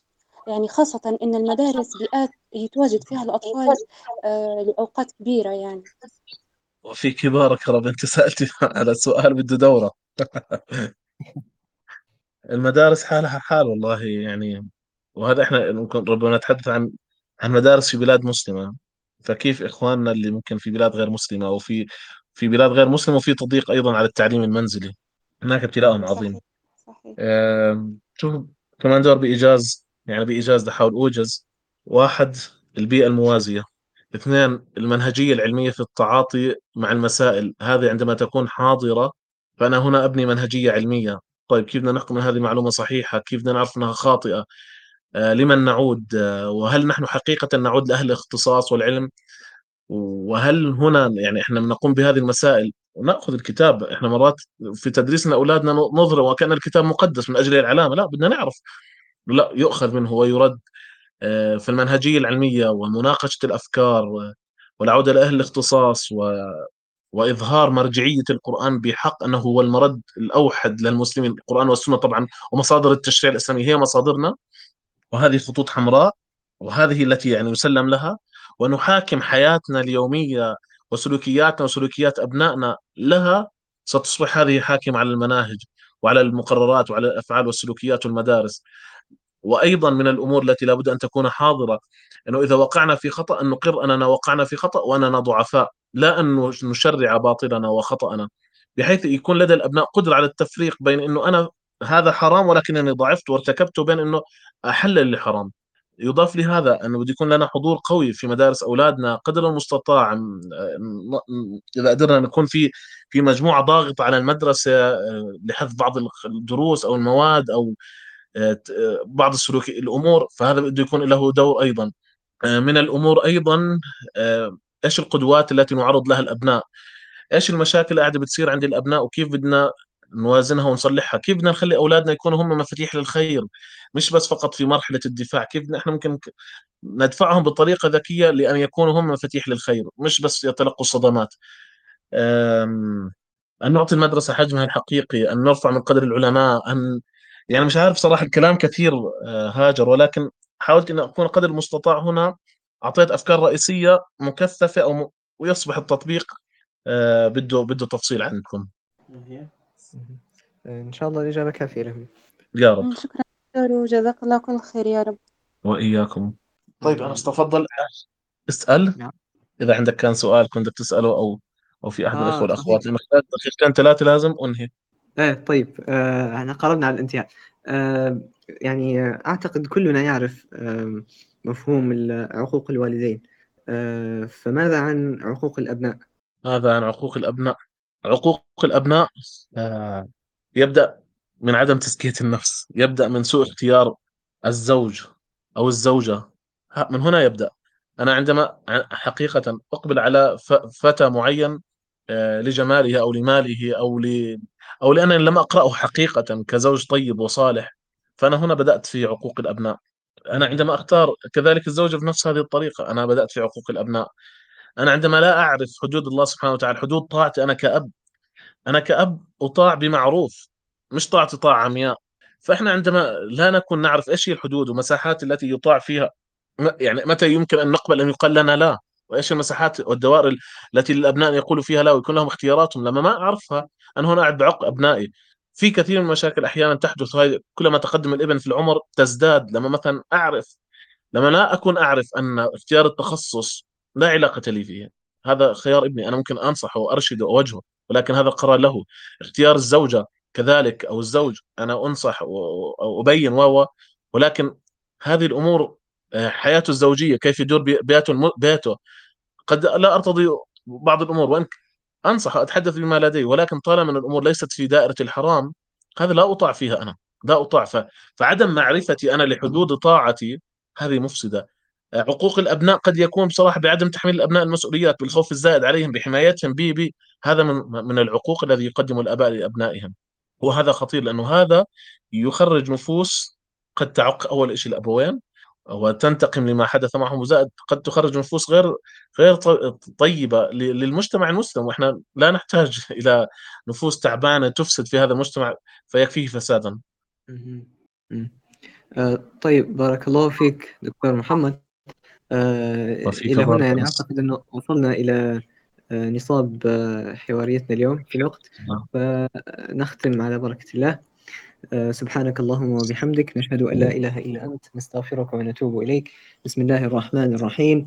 والعصر إن الإنسان لفي خسر إلا الذين آمنوا وعملوا الصالحات وتواصوا بالحق وتواصوا بالصبر. بارك الله فيك دكتور محمد وفي كل الحضور على مشاركاتكم وأسئلتكم. نلقاكم في حواريات قادمة. والسلام عليكم ورحمة الله وبركاته. أكرمكم الله وجزاكم الله خير. وأسأل أن يكون هذا يعني يا رب نخرج فيه بعمل وتطبيق يا رب جميعا. جزاكم الله كل خير. السلام عليكم ورحمة الله وبركاته. أنا